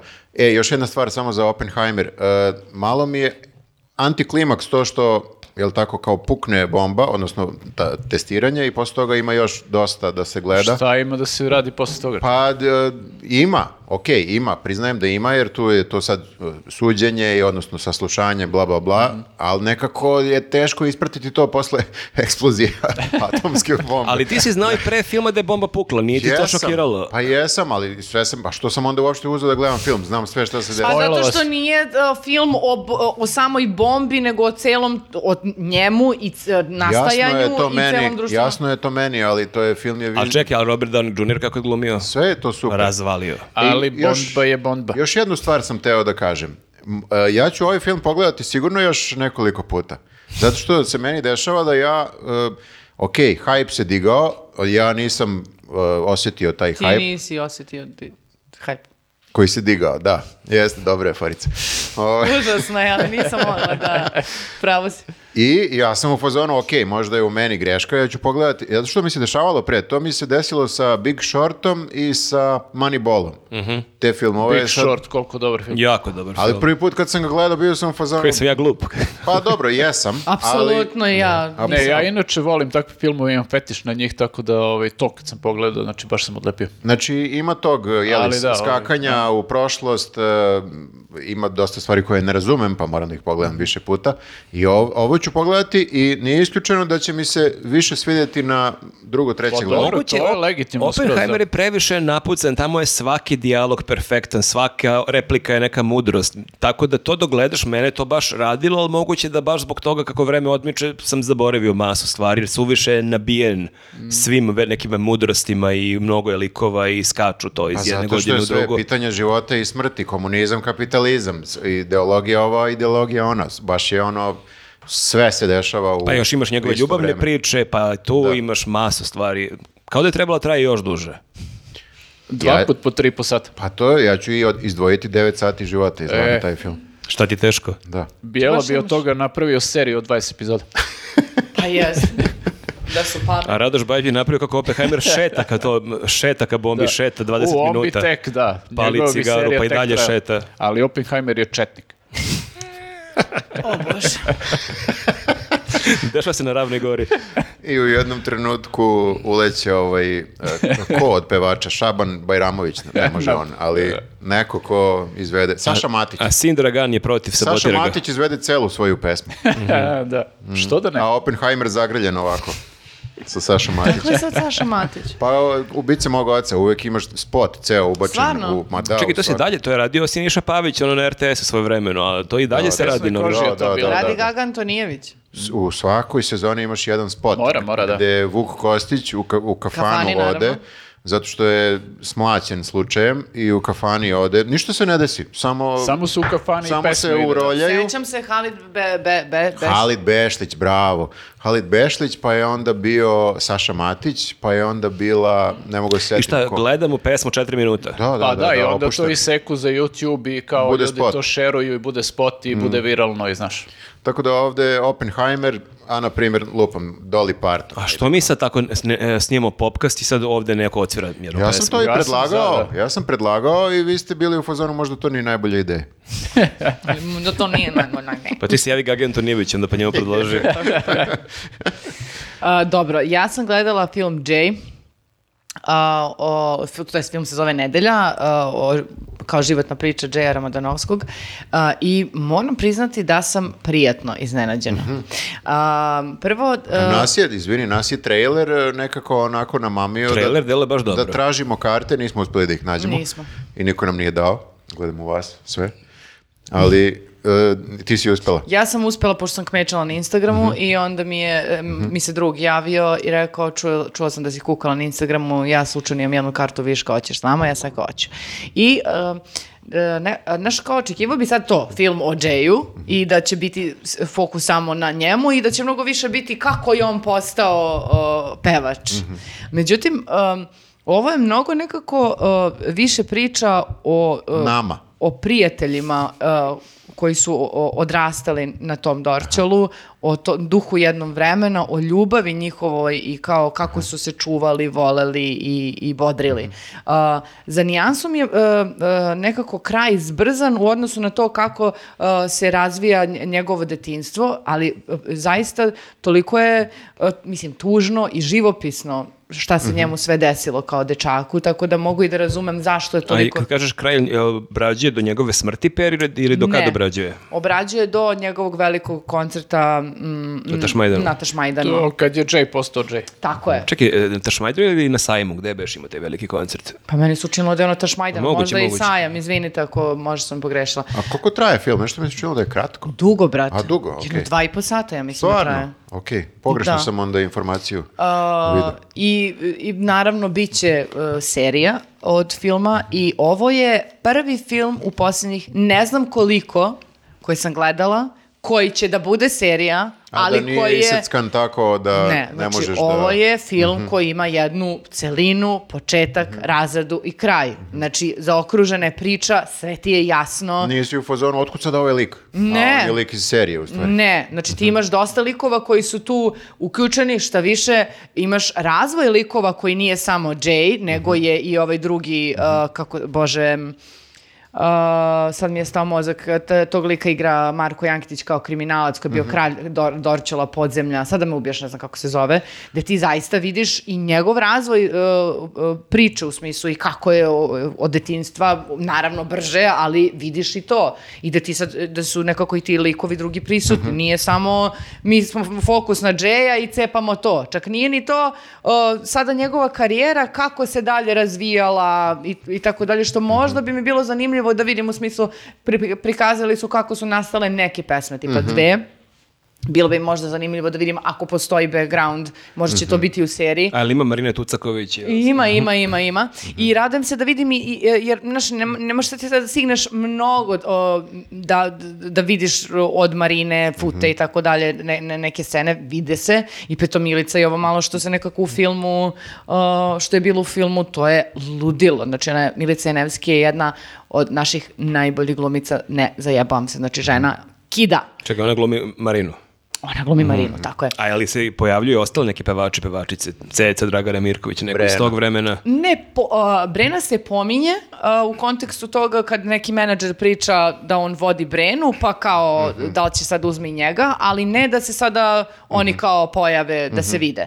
A, I stvarno, mislim, to je toliko jedno tragično da, da, su, da su uzeli samo priču o detinstvu i da su je uh, samo nju snimali imali bi šta da kažu, zato što zaista je toliko i ono, mislim, ne, to neću spo, spojlovati, verovatno, to je baš početak, dakle, njegova majka odlazi, on ostaje sa Ćaletom, nije baš bio dobar u školi, nije ni teo da ide, bla, bla, bla, on je pak faktički odrastao na ulici i oni ga šalju u taj kao popravni dom za dečake, gde ga otac čak ni ne, ne posećuje, majci jednom kad se nešto javi, ono okrene leđe i ode, znači baš je onako, pritom taj klinac kog su izabrali da glumi mladog Džeja, to je jedno toliko šarmantno, pametno, talentovano sunce od dečaka. Ja vam ne mogu da objasnim, on kad se nasmeje u kadru, ja bi ono da, da, da iskopam svoje oči od, od, od skoća. Baš je pre, predivan, ono. Tako da i ovi drugi... To su ti opisi. E, a kak- kakav je Husa? Husa odličan. Stvarno, super. Da, ima, mislim, ima onako momenata kad uh, svi šmiraju malo, zato što, znaš, ono, glume kao neke beogradske dorčelske šmekere, pa se malo zanesu u tome, ali uh, i drugi, i Husa i ovi ostali su stvarno od- odlično radili svoj posao i Aleksej Bjelogrlić je tu odlično odigrao i Marko Jankitić koji igra tog kao ludaka, psihopatu, kriminalca, mislim da se zaista nekako uh, lepo snašao u toj ulozi. On često glumi nekog psihopata, moram, moram da primetim. Malo se profilisao, da. Jeste, jeste, baš mu nekako, ono, m, leži taj bolesnik uh, i m, super su, mislim, uh, nekako integrisali uh, njegov lik uh, koji je kao bio jedan od najboljih prijatelja Džeja i uh, kako, i kraj koji neću sad da, da, da, da, da, da spojlujem, ali stvarno je dirljivo. Ja sam u stvari očekivala da ću mnogo više da plačem, ali nisam toliko plakala. Mislim, ovo na kraju me malo potreslo, pa sam malo slinila, ali nisam jecala koliko sam očekivala, ali sve zato što, na primer, e, nema toliko te, te tužne dževe, dževe mu- muzike od tih pesama koje te, ono, iseku Možda na u komadi. seriji. Možda budu u seriji, kraj su naravno prožili muzikom, jer na kraju on postaje, Jay postaje Jay. Ali uh, samo trajanje, ti vidiš samo razvoj kako je do toga došlo i kako se on cimao, borio. E, a reci mi za muziku, jel puštaju originalne dževe pesme ili peva to Husa ili neko, mislim? Brate, Kako ste to uh, uradili? Husa u jednom trenutku peva i ja sam u fazonu, "Oh, ovo kida, brate. Husa je pevač. On je peva Ma ne. obsesiju. Znam, ali prosto o, on peva Džeja, ne, ne, naš kao, ipak Džej ima specifičan Da. način pevanja i, i, i boju glasa i sve ostalo. Ja sam bila u fazonu, matori, svaka ti čast. Um, izvinjam se. A, tako da, da, ima toga i ima uh, ta mm, pesma za kraj koju peva Ceca, uh, koju je Marina pisala, uh, valjda pre, ne znam. I Peva prava ceca u filmu. ne bre, muzi... pa prava ceca peva kao soundtrack, soundtrack filma iznad. Ne Ne znam, nemoj se ljutiš, nisam ja Ne, ispratio to. mislio sam pojavljuju se ceca, izvini. Okay. Što? Ne, ne, ne, ne, ne, ne, ne. Pa Ali baš ima- je onako, da, Cecina, Ceca i Marina kombo, mislim, ko, na, mnogo sam tužna što je Ceca taj lik, brate, Čekaj, šta, zato ne što je kapiram. pesma super. Čekaj, znači, pesmu kojom se film završava, peva Ceca, to je neka nova pesma koju je ona sad otpevala Da. samo za film. Tako je. A nisam to ispratio. nisam ukapirao, dobro. Tako je, dobro. izvinite što nisam dobro objasnila. Dobro. Ne, nego si pošla da mi svi to znamo, a da nisam to pročitao Pa nigde. ne, baš je postala hit pesma u posljednje vreme, zalufala se tako. Ja da znam, ja sam slušam jazz. Da, ne, ja ne slušam baš Ja nisam još čuo kod mene u Ne kafani. pratim baš njen rad. Što se folirate sad? Znači, šta, Šta sam ja sad ovde kao... što Pa sam- dobro, znam Cecine pesme, ali nisam čuo novu Cecinu pesmu, U izvini. svakom slučaju, ona... Jeste čuli da je izbacila remake s- sopstvene pesme Ceca uh, Ne računaj na mene? Ne. Sa Mirom Škorić, što je nekad bila, ali ovo sve vam prepričavam šta mi je majka rekla. Dobro. Tebi majka baš prozor u svet. Da, i pustila mi je spot novi. Uh, sa Majom Berović. Maja Berović je sad Mira Škorić. A, mi Ne. volimo Maju A Berović. čekaj, jel, kakvim se odnosima Ceci Mira Škorić? E, pa to sam ja pitao majku. Ovaj, Ajde vidi majku popkas nekad da nam pojasni neke stvari. E, njih dve ne govore, koliko sam shvatio, Ceca je ljuta na Miru Škorić, ali ne znam zašto. A i Mira Škorić i Dragana Mirković nešto ne pričaju, čini To mi je, se. to je ono A ni kao... Ceca ni Dragana Mirković nisu cool. Jao, bože, kakva španska Ajde, serija. pomirite se, ljudi. Sjećate se kad ima neki snimak gde se Ceca i Dragana Mirković e, sreću i kad je ovo u fazonu, A ova kaže nije, se e, dobar dan. onda sam, da, to, ja sam pomešao da nije, to je bila Ceca, ne Mira Škorić, izvinjavam To je se. kao što je Taylor Swift morala ponovo da snimi onaj neki... To sam i ja pomislio, e, bespotrebno je potpuno, jer kao zvuči potpuno isto kao original, ništa nije... Ali možda je samo želela s drugaricom da se podruži na taj način kao ajmo da Okej. snimamo. Ja ne, mogu... ne, ne branim, samo ne kapiram e, čemu. potpuno isto zvuči kao original. Ne znam, samo je Maja Berović umjesto Mire Škorić. Pa Dobro. znači onda nije kao original, možda Maja Berović Dobro. ima drugi glas nego... Ima drugi glas, definitivno, ima glas Maje Berović, ali zvuči jako slično. Ti se pitaš što nisu neki, neku novu pesmu uradile zajedno, ako su odjeli nešto novo da rade. Samo, samo sam zbunjen. Ne znam.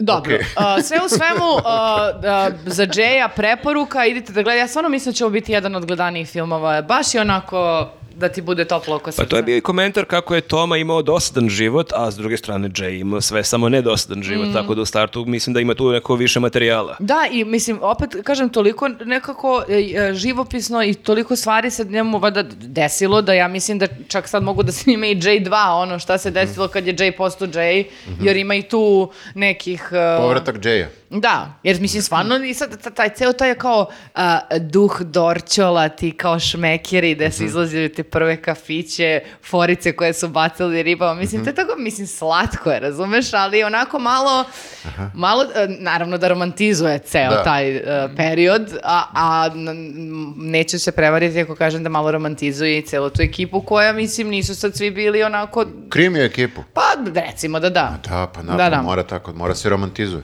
A čekaj, jel otkrivaju, jel Jay stvarno bio šibicar u mladosti?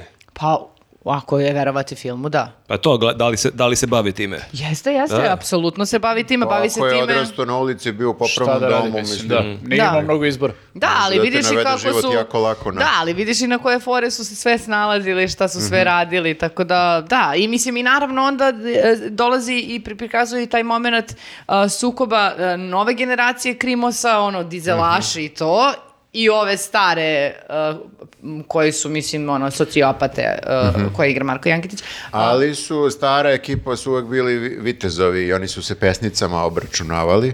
A Šmekeri. Bili su- To mi je sjajno kako Bili su pošteni. Kao mister šali pesnicama, pa to isto nije baš najbolje, možda ste mogli da Ali- popričate ali čisto. svi su oni u fazonu, postoje neki kod. Da, ono, da. znaš, među njima, Kodeks. znaš, bili su oni Kodeks. pošteni u svemu tome, brate, važi, i dalje si A kriminalac. ne, ne, da, i dalje je to bolje nego nekog ubiješ, ali nije sad baš najbolje, aj Mm. se iznabadamo. Da, ali, znaš, uopšte nije... e, ti sve vreme to gledaš, međutim, ne smeta ti to, zato što su... e, to kao neki prijatelji koji se sad tu čuvaju i, vo- i vole i podržavaju. Ma dobro, meni jasno mora bude malo romantizacije da bi to Da. bio film na ne kraju. upada ti to toliko u oči, ne smeta ti, nisi u fazonu, brate, kako loši likovi, ali... A dobro, da, mislim, da, pris- da predstaviš to realno, bio bi u fazonu, brate, koja govna.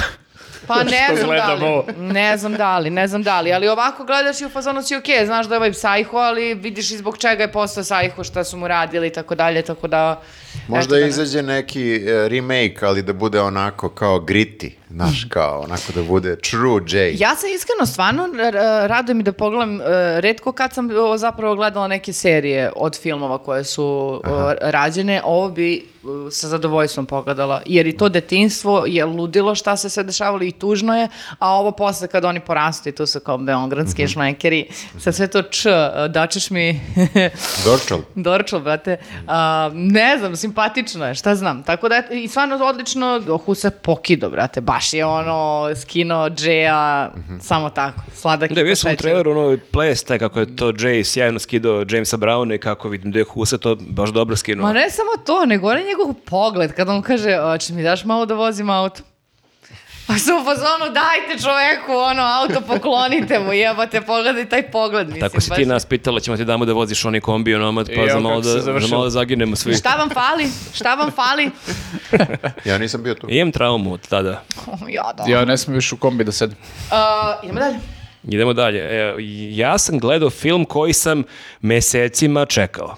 Čekao sam i čekao i gledao. Jedan festival, kad program, drugi festival. Kako se zove? Anatomy of, of a Fall. Ne mogu da verujem da hoću ja taj da gledam, ali onda Pa mogu gledaj i ja ga, da slobodno ga gledaj. Mislim, ja ti ne... Anatomija pada. Da.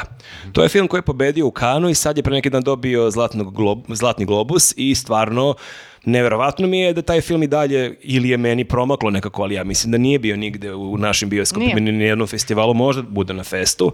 Ko, poznato mi je jako. Pa, je li to švedski, norveški, šta je? Uh, francuski. Francuski film, rediteljka je Justine Trier, glumi uh, nemačka glumica Sandra Hiller koja je fenomenalna. I sad to je film koji sam sa mnogo strana sam čuo da je remek delo i kao ajde. Čekao sam, čekao sam ništa. Viktorova škola, skinem ga sa interneta. Ali Viktorova škola, nemoj bre da prevod. se foliraš, bre, skidaš non stop, bre, šta sad tu kao... Skidam iz, iz e, tuge, iz patnje. Znači, ja moramo odem... da se pravdamo, ok, nekad skinuti film, jebi ga, nema, brate, da se pogleda, hoću da ga pogledam, dajte skinuti Slažem se. Šta sad? Ako film ja dobio... sam skinuo Oppenheimera, onda sam uzeo A njega si imao u bioskopu, imaš ga, mislim, čak i dalje. 1000 dinara, zapakao u kovertu, I napisao Nolan. I poslom. Popi nešto, druže. Ova forica je kao ono moje malo prezadizanje Jest, hajpa, možda tako još i da... gore. Da, okej. Da, tako da ja odem na jedan streaming servis, na drugi, i idem program bioskopa, nema ga i ja kažem, ajde da ga pogledam. I sad film počinje kao običan krimić.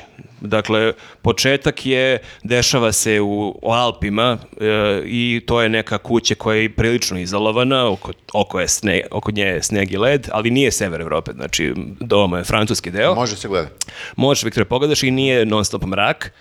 I počinje film tako što mi upoznajemo tu glavnu glumicu koja je neka spisateljica i mi već u prvim minutima shvatimo da je ona neka uspešna spisateljica jer dolazi kod nje jedna mlada novinarka da intervjuiše i ta novinarka je onako sva ushićena što konačno s njom priča. I one tu kreću onako da ćaskaju kod, znači, u kući kod te spisateljice i e, taj e, razgovor biva prekinut tako što njen muž, koji je gore negde u, potkr- u potkrovlju, mi ga ne vidimo, kreće da pušta ekstremno glasno jednu pesmu. A ta pesma je instrumental, to je neka jazzy obrada one pesme 50 Centa PMP.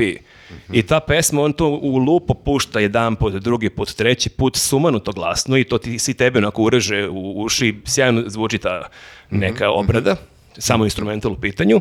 I sad ovoj bude im jasno da on njih sabotira tom pesmom i one pokušavaju da nastave razgovor, ali ova ide pesma u nedu, kao neko dete da ho- hoće da sabotira roditelje.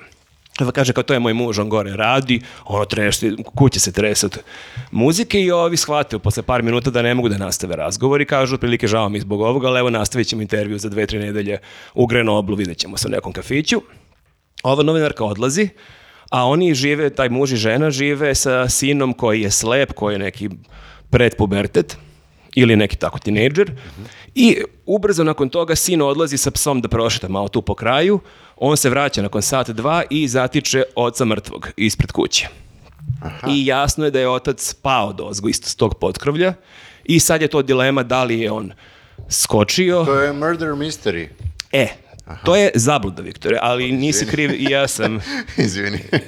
tu sam te čekao, Viktore. Dobro. Aha, to je taj pad iz naslova. To je anatomija pada Ok, i sad da, da li dilema je, pošto tu nema u krugu od par kilometara, nema nikog, Mhm. dolazi policija, istraga i sad je i dilema da li je njega žena gurnula, pa je Mhm. on udario glavu i poginuo, ili je sam skočio, ili Mhm. možda postoji neka treća opcija, ali ti je jasno da nema ko, nema ko da bude treća opcija. Mhm. I, I kreće sad to istraga, advokat, uh, nju ispituje i sad ja pomislim na momentu kao, ok, to, je već prošlo, film traje dva i po sata, prošlo je skoro sat vremena. Ja snimam kao dva, dve dileme. Prva dilema je, ok, ovo je najobičniji krimić, što je ovaj film dobio sve moguće nagrade ovog sveta, što su svi odlepili, jer kao treba da vidimo da li je lik skočio ili ga ona gurnula. Mislim, Kad ono? Drugo, drugo moje pitanje, čekaj, ovaj film ima još sat i po vremena, šta će oni da, ovo se završava za sedam minuta, mislim, samo Treće ćemo da- pitanje je šta ću da jedem? Moram da napravim pitanje neki sandvič. sad mi je jasno zašto je film niko nije otkupio, film je sranje. E, Pojavili dinosaurusi, šta? ne, fore, Ja obožavam, obožavam njegove prve utiske, znači njegov, njegov prvi utisak je takav i sada... To je u realnom vremenu nam govori. ja u realnom vremenu sam zbunjen monolog. šta ceo svet vidi što ja ne vidim, ovo je najobičniji krimić koji nije loš, ali krimić ko krimić, kao treba vidimo ko je ubica, mislim, kao ajde. Samo ljudi. nemoj sve da mi spojlaš jer hoću da gledam i ja. Pa verovatno nema ni šta da se spojile. Ne, čekaj, da li treba da nam kažeš sada uh, šta se dešava ili samo da nam kažeš do jaja je pogledaj. Film je do ja pogledajte, ali fora je da to uopšte posle nije krimić, to je jedna jako dobra drama, jer uopšte nije da nije bitno šta se tu desilo s njim, ali poenta celog filma i ta te druga polovina ili ono druge dve trećine, zapravo mi upoznajemo njihov odnos i mi shvatamo tu kroz to neko suđenje, shvatamo zapravo šta se između njih dešavalo i to je toliko dobro urađeno. Ona je toliko dobro odglumila, ali toliko je, pošto tu se otkrivaju neki video zapisi nekih njihovih razgovora, on je obsesivno snimao neke njihove situacije bez njenog znanja i onda mi tu slušamo neke njihove razgovore, njihove svađe. Oni su toliko perfektno radili njegov i njen lik. I toliko je zanimljivo kako sad na suđenju često se banalizuju neke stvari, kao aha, e, vi ste se svađali dan ranije, znači ti si imala motiv da gubiješ, jer ste se veće, veče pre toga si vikala na njega i ono, ono pokuša da objasni kao da, ali to je život, to je brak, mi se svađamo, mi se mirimo, mi se volimo, mi se mrzimo, to je jedan, nije to ništa crno-belo. I jako je zanimljivo kako da jedan od odgovora na pitanje koliko je nezgodno recimo u braku kada su oboje i muž i žena umetnici, pogotovo ukoliko se bavi istom umetnošću. Pa onda ima tu dilemu koja koga podučava artu, što onda, što, što ovde imaš tu situaciju koliko je nezgodno ako se, su oboje pisci, a ako je neko uspešan, a neko nije, konkretno njen muž ima blokadu, godinama ništa nije napisao, a ona je ta koja objavljuje, koja zarađuje, pa je samim tim on sebe tu podredi, on je tu u kući, on kuva, on vodi sina na razne aktivnosti, on ga i, i podučava ga, on ide kao u školu kod kuće, on mu je učitelj I gruva 50 Cent. i gruva 50 centa i Ali koliko... u jazz verziji. I sad tu kreću da se dalje a, o- analiziraju njihove odnosi. Kroz te njihove svađe ti vidiš njen lik, njene neke stvari koje ona njemu prebacuje, koje on njoj prebacuje. Tako da zapravo suština filma je upravo u tome. To kao samo ubistvo i rešenje je i toliko je njen lik tu dobro urađen, ona je stvarno, ja nisam, nisam nju gledao, mislim, ni jednom drugom filmu, taj lik, mislim, prvenstveno je sjajno napisano, žena koja bori se za sebe prvo da ne bude osuđena, ali koliko toj borbi pazi na svog sina, da ne kaže nešto što će njenog sina da na bilo koji način dodatno pogodi, jer dete je već ostalo bez oca, i koliko negde i ona kad priča o svom mužu, koliko bi ona mogla da više sebe brani tako što će malo gaziti njega i, i to što je on radio, a koliko ona tu pokušava da bude pravedna i da da pravi odgovor, da, da- da koliko je zapravo brak i koliko su odnosi između ljudi kompleksna stvar i da to ne može se gleda crno-belo, ko je tu koga bio ljubomoran, posesivan, ko je koga povredio, nego kao ima svega, kao ima bukvalno svega i kao nemojte da vadite van konteksta ovo ili ono. Tako da, hoću da kažem, film je stvarno sjajan i pogledajte ga i da, ako na pola filma vam deluje da to nije ništa posebno, pogledajte ga do kraja jer film potpuno nekako menja osjećaj ko- koji imate dok ga gledate, nekako menja i žanr. I dovedite taj film bre u bioskop, pa ljudi ste normalni, prošlo je To sam htio da 7-8 kažem, Meni je meseci. jako poznat e, naslov, kao da sam negde vidio na nekom HBO ili... Ja Zato mislim, to su pokupio- šerovali ljudi masovno. Verovatno su šerovali, da. Zato što je pokupio još neke nagrade, ne samo u Kanu, nego još negde. A Zlatni globus je dobio Da. pre neki dan i još neke evropski Da, nagrade. e, Evropski Oskar, na Jeste, primjer. ma dobije sve nagrade i film stvarno sad nisam pogledao sve evropske filmove, kažem da, najbolji film prošle godine, vrlo moguće će da Mm. će dobiti i Oscara za najbolji film van evro, evropskog govornog područja. I šteta je, mislim, nije sad da film mora se pogleda u bioskopu, može se gledati kod kuće, ali opet nekako svaki film je mnogo lepše gledati u bioskopu i štete što eto, nam još nije došao u naše bioskope. E, ali mnogo mi je drago kad smo kod, već kod Zlatnog globusa kako su neke stvari koje smo mi preporučivali, koje su nam se baš svidele, pokupile nagrade, tipa Succession je pokupio, Oppenheimer je pokupio i dobri Barbie i... i ovaj kuver, čuješ ovaj Viktora, ovaj kuver. čuješ Viktora, o, Oppenheimer je pokupio nagrade. A, a, 14 Wings takođe, Beef, ali Wong je uzela mm. takođe nagrade, da. tako da baš sam pozvano, pa dobre stvari mi Ste preporučujemo ostale. gledali Golden Globes? Mainstream, mainstream. Ne, gledala sam samo Vidio sam da je izbio, ovaj, e, mislim ne skandal baš, ali malo je bilo oko ovog voditelja za koga je, Odvratno. za koga ja nikad Ja ne nisam znam ko je te taj lik. Da. Pa ne znam ja ko je lik. uh, je kako se zove? Pa ne, pa ja prvi put čujem za lika, on je kao neki Stand-uper. Ja sam gledala par, A nešto šta je malo. skandal? A, Ma Imaju neke fore koje uh, ne samo što su bile uh, Seksističke. seksističke, nego su bile loše. Znaš, i kao... a ne, sve vreme čovek se vadi tako što vidi da se niko ne smeje i onda kaže e, ovo nije bila moja fora, to su mi oni napisali. I kao onda sledeće, opet se niko ne smeje, on kaže dobro ljudi, kao dobio sam ovu šljaku pre 10 dana, nisam stigao kao bolje da se spremim. I ti si u fazonu, brate, em si glup, em kriviš Jako svoje čudno. saradnike. Jako čudno, nikad uh, ranije nije bio baš toliki... tolika- Joy Coy. Joy koji, nikad ranije nije bila tolika katastrofa kao, ok, neko ima po neku lošu foru pa se o tome priča, pa, a ovaj kao svaku, kao nijedna mu nije uspela. Ja E, sam jebem gledala sad. njegov uvodni uh, kao Da, govor uh, i prvo za- za- zato što sam ti pomenula nešto kad smo pričali da sam ušla u fazu Ricky Gervais sve Mhm. i onda sam gledala sve njegove uh, ove Glo- Golden Globes što je vodio kao Mhm. ono što se nađe na YouTube-u. I sada, uh, ti, ako gledaš i ove dve druge ribe što su uh, vodile Golden Globes, one su imale tu prozivke. Sada, Mhm. svako to uradi u svom stilu. Ricky Gervais to uradi brutalno, Mhm. ali ume da ga uradi, da ga upakuje i da to zvuči Ma presmešno da, i on je već jaja. napravio brend od toga. Ovaj je došao, Joy Coy, znači prvo što je on toliko bio srećan što je tu. Pa što je zadovoljan. legitimno, to je legitimno. Da, jeste, ali onda je on krenuo tako da se u, nekako uvlači, ne znam, Meryl Streep, oduševlja, ali to je toliko neumesno oduševljenje, ja koja se oduševljavam za sve, razumite me kad vam kažem da je bilo neumesno Malo pre si rekla da bi oči sebi Previše- iskopala, previše ali od se- Čekaj, sreće. kad je bilo ovdje Bojana Vunturišić, vrištala si prvih 7 sekundi. Jesam, ali veruj mi kad ti Da onda... mislite Meryl Streep ovdje? E, gde si Meryl? Ti ne možeš... Ili Keanu Reeves. A, a mogu da završim rečenicu? Jel mogu? Izvini. Znači, a razumite onda kada od mene dođe Da. Svesno da vam kažem da je bilo neumesno oduševljenje i onda je pokušavao iz tog oduševljenja da sad kao proziva ljude kao što bi to radio Ricky Gervais ili ne znam ko, međutim to, znaš kao, u, u trenutku kad se Barbie snima koje treba da sada pokrene razne feminističke teme i da približi to sve, ova izgovara rečenicu snimljen je Oppenheimer koji kao uh, baziran na noveli uh, ko, o čoveku koji je napravio atomsku bombu i drugi najpopularniji film je o, o lutki koja ima velike sise. Pa da. e, Ljudi u fazonu kao, Vidim sti kuda, retardiran? vidim kuda je išao sa tom forom, ali nekako delivery mu nije bio E, baš da. najbolji. Očekivao Onda ono bih za- da završi sa tim da je Barbie isto bomba. Pa, a, ne. Na primjer, to je isto, da. Onda, ono Sljedeći za, Zlatni globus Šone.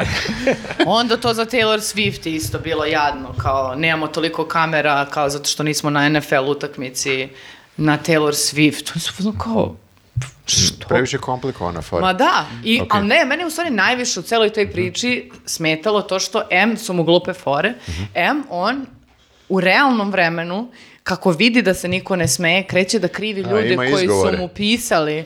A to vjerojatno hoće napravi foru da se, Da, da, ali da. to onda možda je Ali da, loše ako i... nisu prošle i ove fore same, onda verovatno ni to vađenje fora. I vad, kao ti se vadiš prošlo. uživo programu i kažeš, "Mo- možda znam da su mi loše fore, jebi ga, pisali su mi drugi ljudi. Pa, pa što...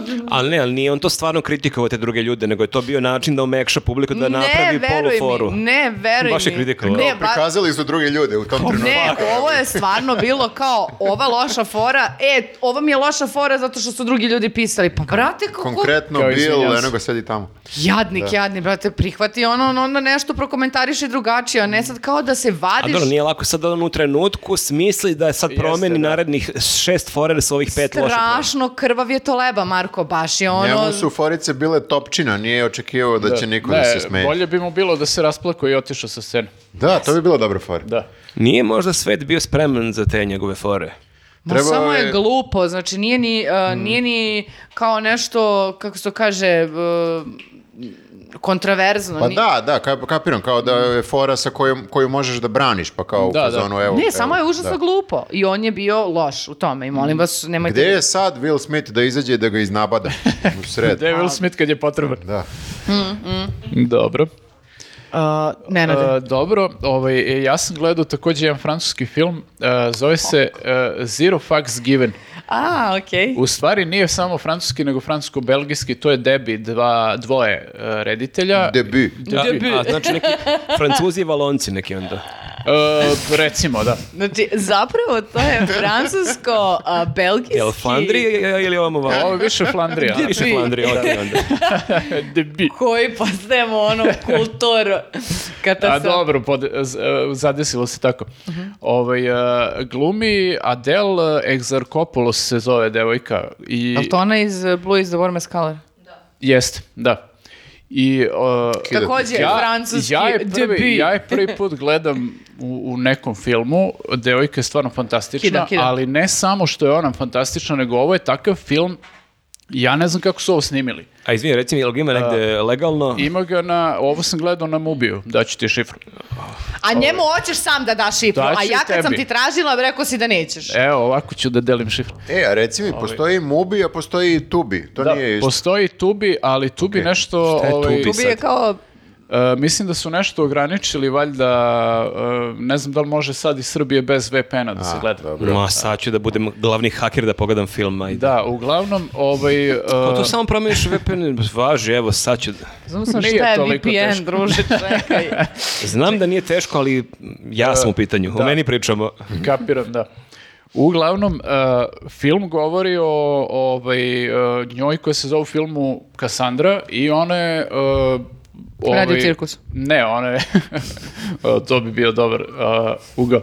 Ne, ona Kako se Marko razočarao što sam ovo rekla. Ne, ne, gledamo o čemu pričate. Ne, ne znam koja je glumica, pa... mi- Ona je stewardesa koja radi u jednoj low cost kompaniji koja kao, kapiraš da je kao po Ryanairu uh, je kao napravljena i zove se Bing i uh, bukvalno prvih sat vremena filma, oko dva sata traje ceo film, uh, prvih sat vremena ti bukvalno samo pratiš uh, nju kako radi svoj posao stewardese I to je neverovatno kako je snimljeno, zato što, uh, uh, mislim, vidio sam da ga navode i kao poludokumentarni, poluigrani film, drama, ja ne znam kako su on uspeli da snime, jer svi su u, u tim svojim ulogama potpuno fantastični. To je kao, znači ti gledaš uh, scenu gde ona ide ovaj, uh, kao stewardesa, jel, i valja ljudima parfeme po avionu, i ti si u fazonu, da, to je, bukvalno je ovako u avionu, apsolutno, znaš, kao da si, uh, pritom je ovaj sa kamerom sve vreme njoj u faci, razumeš, ono i drugim glumcima, baš je onako, nije kao da je on tu negde sa strane, uh, pa sad uh, oni su opušteni i rade svoj posao, nego baš su onako krupni kadrovi i dugi su fiksira ljude ono dok uh, glume svoj deo ali svi su toliko ubedljivi, znači ne samo te scene, nego ako su scene, ne znam, u klubingu nekom, kad, kad imaju pauze sa poslom i to, Ja ne, ne, ne razumem čime si fasciniran. E, Dobrom ja sam glumom. kažem da Nenad nije nikada ovoliko bio ushićen kad ja nešto pričao. Kao da prvi put gledaš film. bukvalno da. Kakve ti to glumce Ovaj, pratiš? Ne, Čekaj, ovo morat ću morate- da pogledam. Čekaj, Morate da da- A o pogledate. čemu ima? ima? neki zaplet, o čemu je Morate film? pogledati, ovo je toliko uverljivo da ti imaš sve vreme utisak zapravo da je skrivena kamera, da niko od njih nije svestan da je to film i da je to scena iz aviona koju je neko krišom zabeležio. Na tom nivou je ta uverljivost eh, svih tih glumaca. A ili ima priča neka? Ima, mislim, priča je da je ona, ovaj, uh, uh, nema neka sad kao uh, bombastična priča, priča je da je njoj nastradala majka pre nekog vremena, nedavno, i uh, ona faktički je sve vreme uh, na poslu zato što želi malo da beži od kuće praktično, neće da bude kod kuće, da, da ne bi razmišljala o tome. Ona je onako taj pripadnik uh, mlađe generacije, onako dosta je ravnodušna u vezi sa, sa svim i tako sve nekako uzima zdravo za gotovo, ali sa druge strane uh, robot je što se tiče posla, iako je dobro u svom poslu, ali ti uopšte ne vidiš nikakvu strast kod nje za, za sam posao, ali ona prihvata, ako joj kažu hoćeš da radiš za Božić i za Novu godinu, ona kaže pri, ono, hoću, apsolutno ima najbolje rezultate u svemu, e, do jednog momenta kada dođe do toga da je zbog neke potpuno, ovaj, neću kažem kakve, e, nije zapravo ni greška, samo je događaj koji se desio ovaj, na poslu, biva otpuštena ovaj, i mora da traži novi posao, a njen ceo, ovaj, e, kao, e, ceo, ceo, ceo neki, cela neka ambicija njena je da od, iz te low cost kompanije pređu u bolju kompaniju kao što na primjer, Emirates i da ide u Dubai, tako neke ovaj, uh, lokacije, jer kao zadovoljna je ovim i oni njoj ponudu u jednom trenutku i unapređenje i ono u fazonu, ali kao ja ne želim unapređenje, ja hoću da ostanem ovde gde sam, odgovorim i da budem kao da radim svoj posao i da nemam nikakvu odgovornost kao veliku.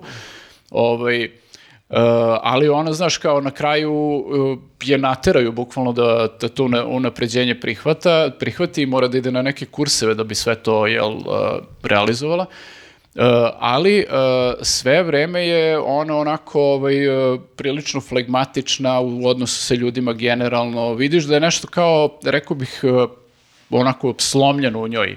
Verovatno je to kao zbog, zbog Keve koja je kao nedavno preminula u nekoj saobraćajnoj nesreći je nastradala.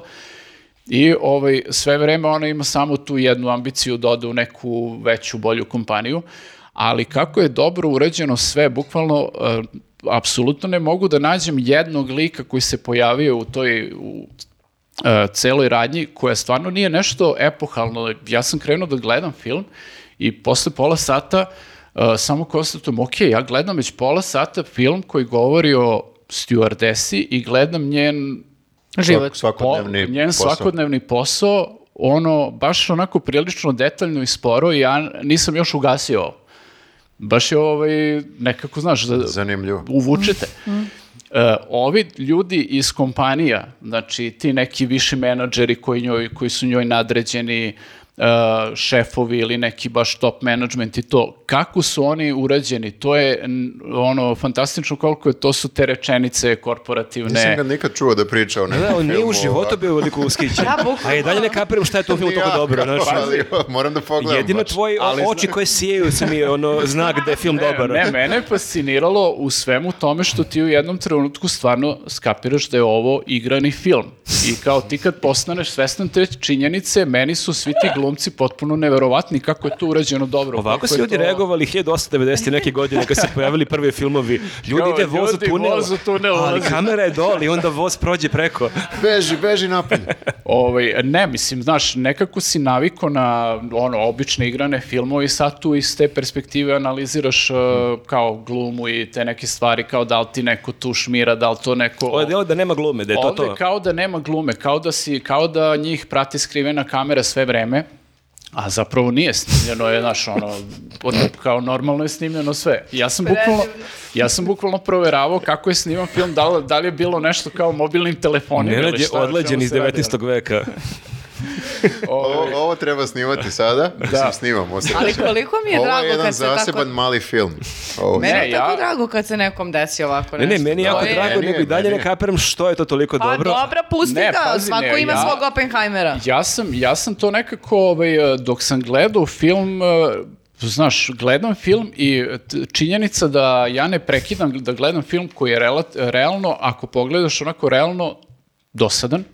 Ja ne prekidam film. Ali nas je izvozao. Si jeo neke pečurke pre tog filma, Nenade? Ne, dosadan u smislu da nema sad neke Da, da, bombastične da. radnje, da Očekivao nema bi nekih, čovek da je dosadan. nema nekih ludila, nema nešto, ali meni taj film drži pažnju sve vreme i kao ne prestanem da ga gledam.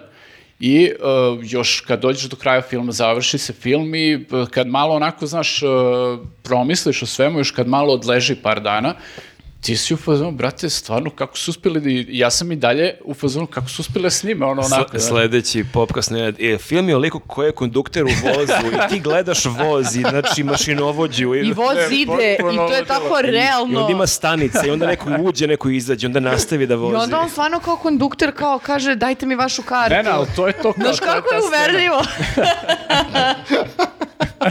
I ovaj mu stvarno da kartu. da, da, kao pravi putnik. A kamera je tu, a on se pravi da ne vidi kameru. Ni u jednom trenutku on ne pogleda Ne, u kameru. možda sam ja lud, okej. Predivno, Nenade, Ali predivno. ja stvarno evo preporučujem ljudima, ovaj film isto bio u Kanu, na Kanu 2021. u nekoj konkurenciji, nisam siguran da ne lupam u kojoj, prikazan je tamo i isto je ono neke nagradice dobio. Ovaj, ovu su glumicu jako nahvalili svi, baš je ono kao ovaj, uh, istakli su je, ne znam, čitao sam poslije i tekstove dosta i Hollywood Reporter je pisao ovom filmu, onako opširan tekst i kao ona je baš ono, fascinantna je njena uloga kako je ona to odradila, ali ono, neka pogledaju ljudi, stvarno, meni su svi tu, ono, ko, kogod se pojavi u filmu, da li je neki pijani lik u klubu, da li je, ja ne znam koliko su oni radili stvarno na tim samim scenama. Možda su imali samo probe, da. Da, verovatno su samo usavršili to do ono krajnjih granica, ovaj, ne znam kako, kakav je tekao sam proces, ali stvarno A jel pušta kadrove kao da budu dugi, da je... Jako su dugi kadrovi, da. U- Ponekad i previše, budu dugi kadrovi i ti si u fazonu, ok, ovo je možda malo moglo kraće, ali zapravo ti shvatiš ako on snima nju, uh, ne znam, uh, tri minute prati ulicom i ništa se ne dešava i ona u jednom trenutku je zove operatorka ovaj, da, da joj ponudi kao drugi paket. Ispostavi se da je ti tako zapravo i, i saznaš neke stvari iz tog razgovora sa operatorkom, saznaš neke njene lične stvari, uh, jako bitne za, za priču. I ovaj, e, onda ti tih tri minuta koliko su oni nju pratili zapravo imaju potpuno smisla kad, kad se doće do toga. A, pa- Bukvalno sve vreme kao da je prvi put Ali- gledao film. Ali što više objašnja, sve se više zakopava, sve film deluje dosadnije. Ti prekini I ona sa svojim a, zaključcima na prvu On je loptu. do jaja, ja ću ovo da Ne, gledam. ne, Sigurno. ovakva Ne, ushićenost. ljudi, ti, uh, vi, tre- vi znate da ovaj, ja nisam preterano fasciniran, ti- fasciniran tim umetničkim filmovima i tako tim stvarima i treba mi ono kao da ima neku radnju i to volim takve, da, da bu- ima neku dinamiku, e onda ako je mene ovo ovaj, raspametilo, stvarno Ja ću ovo da pogledati pogledate, zbog da vidite... tvog pogleda, a ne zbog tvoje priče. Da. Jer tvoj Dobrodošao u je- svijet umetničkih filmova. Sad kad kreneš s nama po festivalima, Uglavnom, dva eto, sata ovaj, gledamo kameru kako snima e, glavnog lika s leđa i on hoda. A znaš, ali, ali Nenad krene da smara ljude. Ljudi, ali ona kao da ne vidi kameru, ili vidite? Jel ovo realno kao, može ovako? I mi smo sada saznali sve ovo samo zato što je on hodao krao ulicom. Ni u jednom trenutku nema dinosaurusa. nema, nema, ni zombija, ni zombi se ne pojavljuju uopšte. Bravo. Tako da, eto, ovaj, uh, gledajte film, stvarno je dobro. Da, ja te zaista znam preko 10 godina nisi nikad bio veliko ushićen. Pa eto, dešava se. Ništa super. Kako se rekao za ovaj film Zero fucks given. Zero fucks given. Meni je e, i naslov i ovog filma poz- poznat, samo da se pohvalim. No bravo bre, Viktor. Tri bambija. Koji random, ono. I drugari, meni je ovo baš Oj, poznato. ovo sam isto čuo negde. Vidio sam na Twitteru da, da. Pročito sam negde Zero fucks given, možda si samo to. Ljudi, hoćemo knjige ili ćemo muziku? A možemo pauzu? Ajde, Možemo. pauzu. Klap, glaba.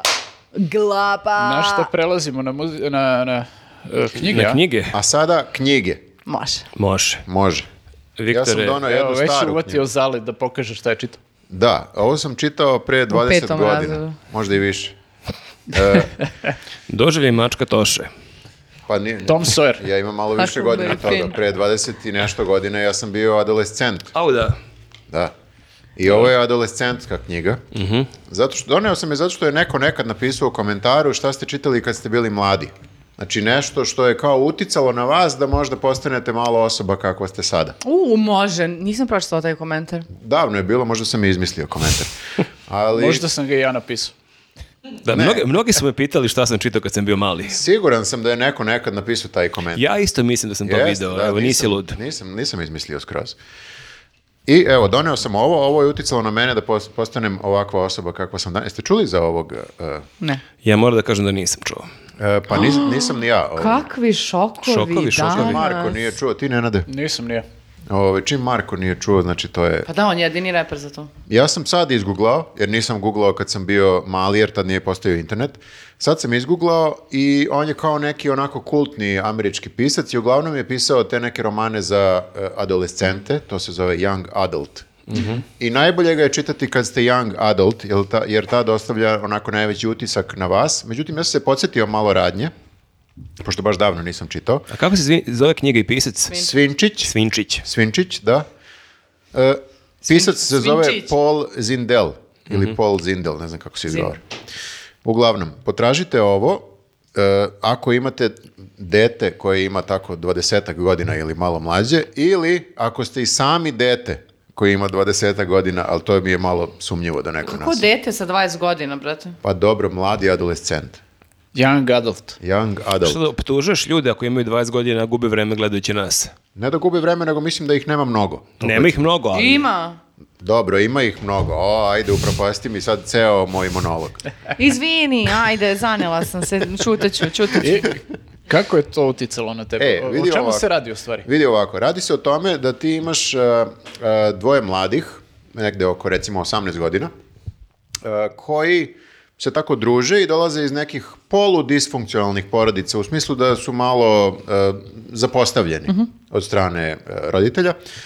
I uh, uh, njih dvoje prekraćuju vreme tako što jeli, razne nestašluke uh, rade, idu u isti razred i jedan od nestašluka im je to da zovu ljude telefonom i da se takmiče ko će što duže da zadrži tu osobu na telefonu. Znači ti ideš random po imeniku, Aha, pa to je kao stole vole. Stole, stole vole s tim što uh, stole vole, jel tako, kao je maltretiranje klasično. Ovde nije maltretiranje, nego je ti je cilj tog tvog prenka da što duže ostaneš sa, sa osobom u razgovoru. Kako ćeš to da uradiš? Nebitno. I sad... Pa e, pitaš ga kako je, šta radiš, sa kako su mu deca. ne, ne, nisam stvarno pitao. Ovo su bila retorička pitanja sve. Izvini. Zicer je bio. Kao, nisi na ispitu. Ali vidim da se volim što da razmišljaš o tome. Mislim. Sad, odmah sam te ubacio u lik. Jeli? I, I ova je e, devojka koja zove... Aha, znači nisu dva muškarca. Ko- Ne, su? ne, ne. Muško i žensko? Muško i žensko i još par nekih tu njihovih prijatelja, ali muško i žensko su glavni likovi i knjiga je pisana iz perspektive njih dvoje, što znači da jedno poglavlje piše ona, jedno poglavlje piše on i tako ide. I ti gledaš onda kako e, priča odmiče, da njihove priče se ne podudaraju sasvim, to jest da ona ima jedan pogled na svet, on ima drugi pogled na svet. Uglavnom, ona pozove e, nekog tipa koji se preziva Pig, e, Pignati i zato ovaj, mu daju nadimak Svinčić, to jest na engleskom Pigman. I sa njim uspostavlja komunikaciju koja traje jako dugo. Ona obori sve rekorde u tim, tim njihovim prenkovima i on na kraju tog razgovora njoj kaže otprilike da bi e, voleo da joj da 10 dolara jer ona se predstavila kao da je iz neke fondacije za neku nezbrinutu, ne znam ni ja šta, e, da li životinje ili tako to, lažno, jel? I on na kraju kaže ja bih voleo da vašoj e, fondaciji dam 10 dolara i oni kažu važi. Iako protiv njene volje, jer njoj se, M se ne sviđa ta igra, da zovu ljude, M nije htjela ni da ide kod njega jer da nastavlja taj prank, ni da mu uzmu pare na kraju krajeva. Jer uh, to je jedna od tema u priči, a to je uh, u stvari peer pressure, to jest kako te rulja, ne rulja, nego kako te uh, društvo tera da radiš neke stvari koje možda Koje ne bi radio, ali ne možeš da. da im se odupreš, jel? I to je kao kad si mlad posebno ovaj, dolazi do izražaja, dok je on u fazonu, odnosno ovaj momak je u fazonu idemo, radimo to, zezamo se i tako dalje. Mažemo, režemo. Mažemo, režemo, on je kao ma- malo manje a, ima ne osjećanja, nego malo manje vodi računa o osjećanjima, dok je ona više onako... He's a boy. O, he's a boy and she's a girl. Uglavnom, oni odu, upoznaju se sa tim likom, ispostavlja se da je on udovac koji je tako malo usamljen, pa je zato da- tako dugo i pričao sa njom i uspostavljaju prijateljski odnos sa njim jer vide da je on tako simpatičan i da ima e, između ostalog razne neke svoje e, nije bizarne, ali neke čudn- čudnosti oko njega. Jedna, jedna od čudnosti mu je to da skuplja kasice prasice u obliku jeli, e, svinčića. Aha. I zato je i nadimak e, Svinčić između ostalog. Tom, te kasice mu je žena njegova kupovala dok je, dok je bila e, živa, jer i njoj je bilo simpatično kako se on preziva Pignati i tako dalje. E, I uglavnom taj odnos se, se razvija, oni uspostavljaju e, prijateljstvo, u njemu vide neki sad father figure, pošto to ne dobijaju od, od svojih e, roditelja. E sad, neću dalje nešto da, da spojlujem preterano, knjiga nije uopšte toliko light i po tome je i specifična jer je kao jedna od prvih tih koje je kao za young adults koja je pokazala prilično realistično kao kakav je život. Znači nije, nije sve ono med i mleko, nego će razne neke ozbiljne A je ona stvari da ti se... pisana negde u vreme kad smo mi, mi bili klinci? 68. Aha, znači davno je pisana. Davno je pisana, ja sam je čitao 90 i neke, Da, da. pretpostavljam. Tako da, e, i stvarno mi je bila, kad sam je čitao tada, neobično u tom pogledu, jer obično čitaš, ne znam nija šta čitaš u tom periodu, čitaš nešto što je prilično light, verovatno i što te vuče na jednu stranu kako je život avantura i kako je sve moguće, ova te malo onako poklopi. Tako da nije baš najlakša knjiga na svetu, ali ostavlja utisak i super mi je zato što je taj način pisanja dve perspektive, obrađuje te teme koje, koje obrađuje.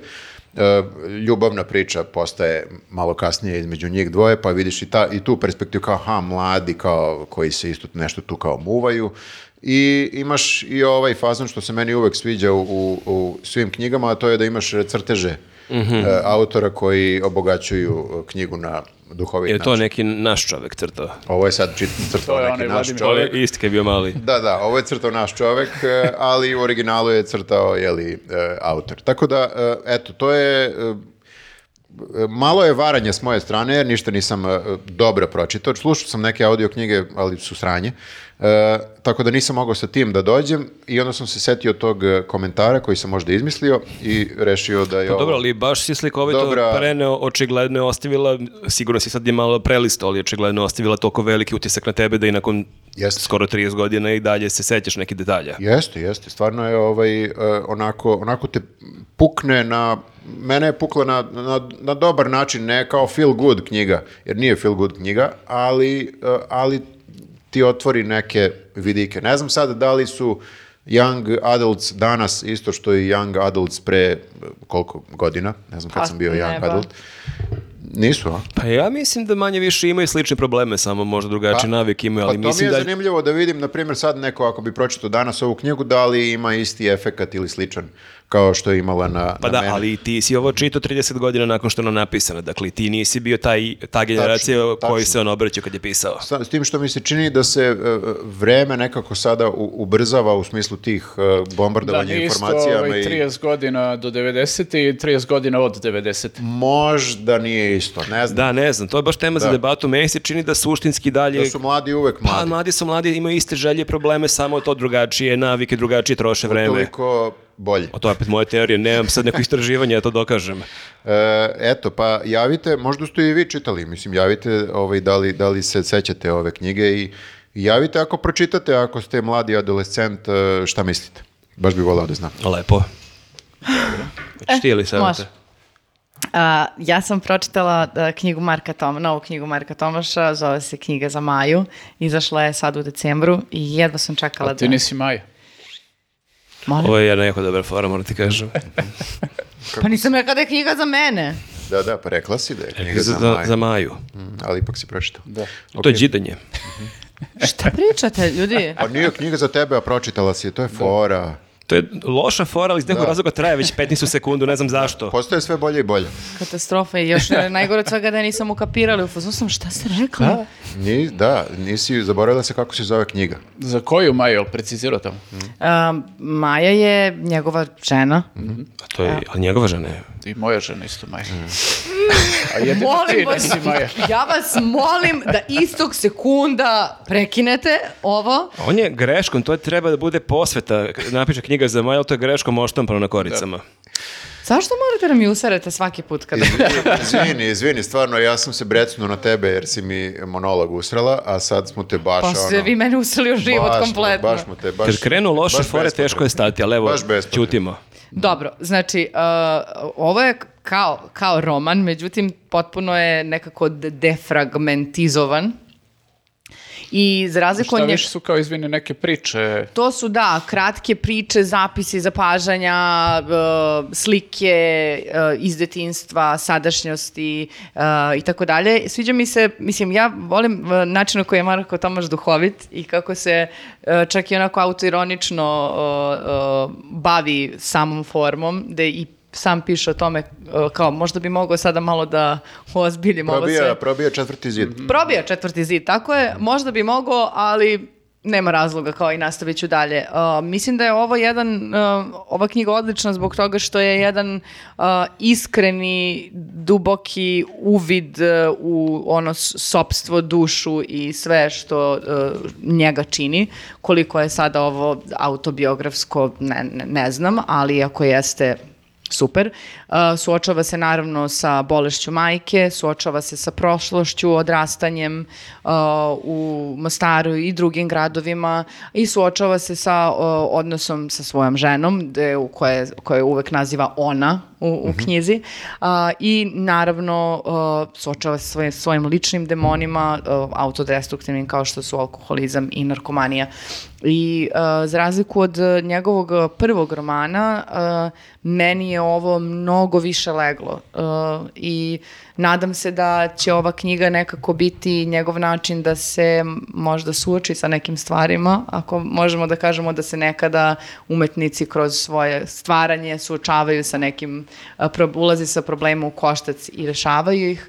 Uh, ja bih voljela da to uh, ova knjiga uh, bude za Marka mislim da ima puno nežnosti i ljubavi i toliko iskrenosti i ranjivosti koje je on pokazao i u tome se negde uh, po meni ogleda njegova veličina. Uh, dakle, ne postoji, uh, ne bih mogla da kažem da postoji jedan jasan narativ koji ide kroz knjigu, osim da se pominje uh, put za Lisabon. Kojem, gde se- Ja, kako si opisala, bukvalno kao da si opisivala nek, bilo koju knjigu Bekirima Ser, Seranovića, i, i, je, e, ima nekih sličnosti ili je samo meni tako zazvučalo? Pa možda ima, mislim, ja nisam čitala, ja sam čitala možda dve knjige od Bekima, tako da Mm. ne mogu sad da kažem da poznajem celokupno njegovo... Pa dobro, on ima ukupno 4-5, nema on 50 knjiga. Da, ali da, naravno, mislim, na kraju dana Bekim i Marko su bili prijatelji, tako da, da, međutim, e, ovde e, je nekako skakanje, on sa tebi, kao da sad priča sve što ga je ikada zabolelo i ba- baš e, sam vraćala ovde da nađem um, gde piše o tome um, da uh, u tim kao momentima frustracije, da, odlučio sam formom podražavati traumu. Kažu da je sjećanje kod traumatiziranih ljudi fragmentirano, tako se valjda naš um trudi istisnuti traumatska iskustva iz životne celine. Tako i ovo su sve neki fragmenti, dakle ti tu vidiš uh, odnos sa majkom, kako, uh, odnos sa ženom, uh, šta je bilo neka sećanja kada je baba bila živa, deda, ali sve to nekako kad se sklopi, ti daje nekako uvid u, u, u- dušu, ne znam kako bi bolje mogla da kažem. I zaista, mm, me, ja, meni, mom senzibilitetu možda više leži ovako nešto, zato što je i smešno i bolno i puno nekih uvida o životu i razmišljanjima, pogledu na stvari. Uh, zaista sam baš onako, mislim, posebno, ok, ja možda ja sam subjektivna jer mi je Marko i uh, prijatelj, ali baš sam ponosna na njega što je iznedrio ovako nešto iskreno i uh, ogoljeno. Znači, nije, nije e, isti stil, ajde da kažemo, kao ova prva e, knjiga. Ne, ne, ne. Prva knjiga je roman koji sada prati neku ranju, ti imaš tu priču. Da, da, da. Ovde imaš uh, fragmente, uh, priči, priče, slike, sećanja Mhm. i uh, stanja. Pa ti to lepo, spoji. lepo. E, ja sam čitao novi roman e, Kristijana Novaka, e, Slučaj vlastite pogibelji ili pogibelji, ne znam kako bi se to e, akcentovalo. e, Pogibelji. Pogibelji. A, knjiga je izašla kod nas jako sveže, posle nove godine, e, ona je izašla u Hrvatskoj pre možda nekoliko meseci i dugo sam je očekivao, e, jer sam čuo još letos da je piše novu knjigu. Ne znam da ste čitali Novak, on je naši vršnjak, mislim da on tvoje Viktore godište. Jel on Černa mati zemlja? Čarna mati zemla mu je prva knjiga koju on priznao. On je napisao neku knjigu par godina ranije koju želi da zaboravi, tako da Črna mati zemla mu je faktički da, to je prva ono knjiga. što mi je sledeće za čitanje. To je fenomenalna knjiga, ja sam hteo o njoj da pričam nekad, ali eto, preduhitrio me novom knjigom. Nakon toga je objavio knjigu Cigarina, najlepši, Mhm. koja je po mišljenju mnogih još bolja od Črne mati zemlje, a moram da priznam da je meni bolja Črna mati, jer nekako... I Draganu. I Draganu. A ja sam, ja sam Ciganina čitao u možda nekom pogrešnom trenutku, jer nekako knjigu, u drugoj polovini sam se malo pogubio.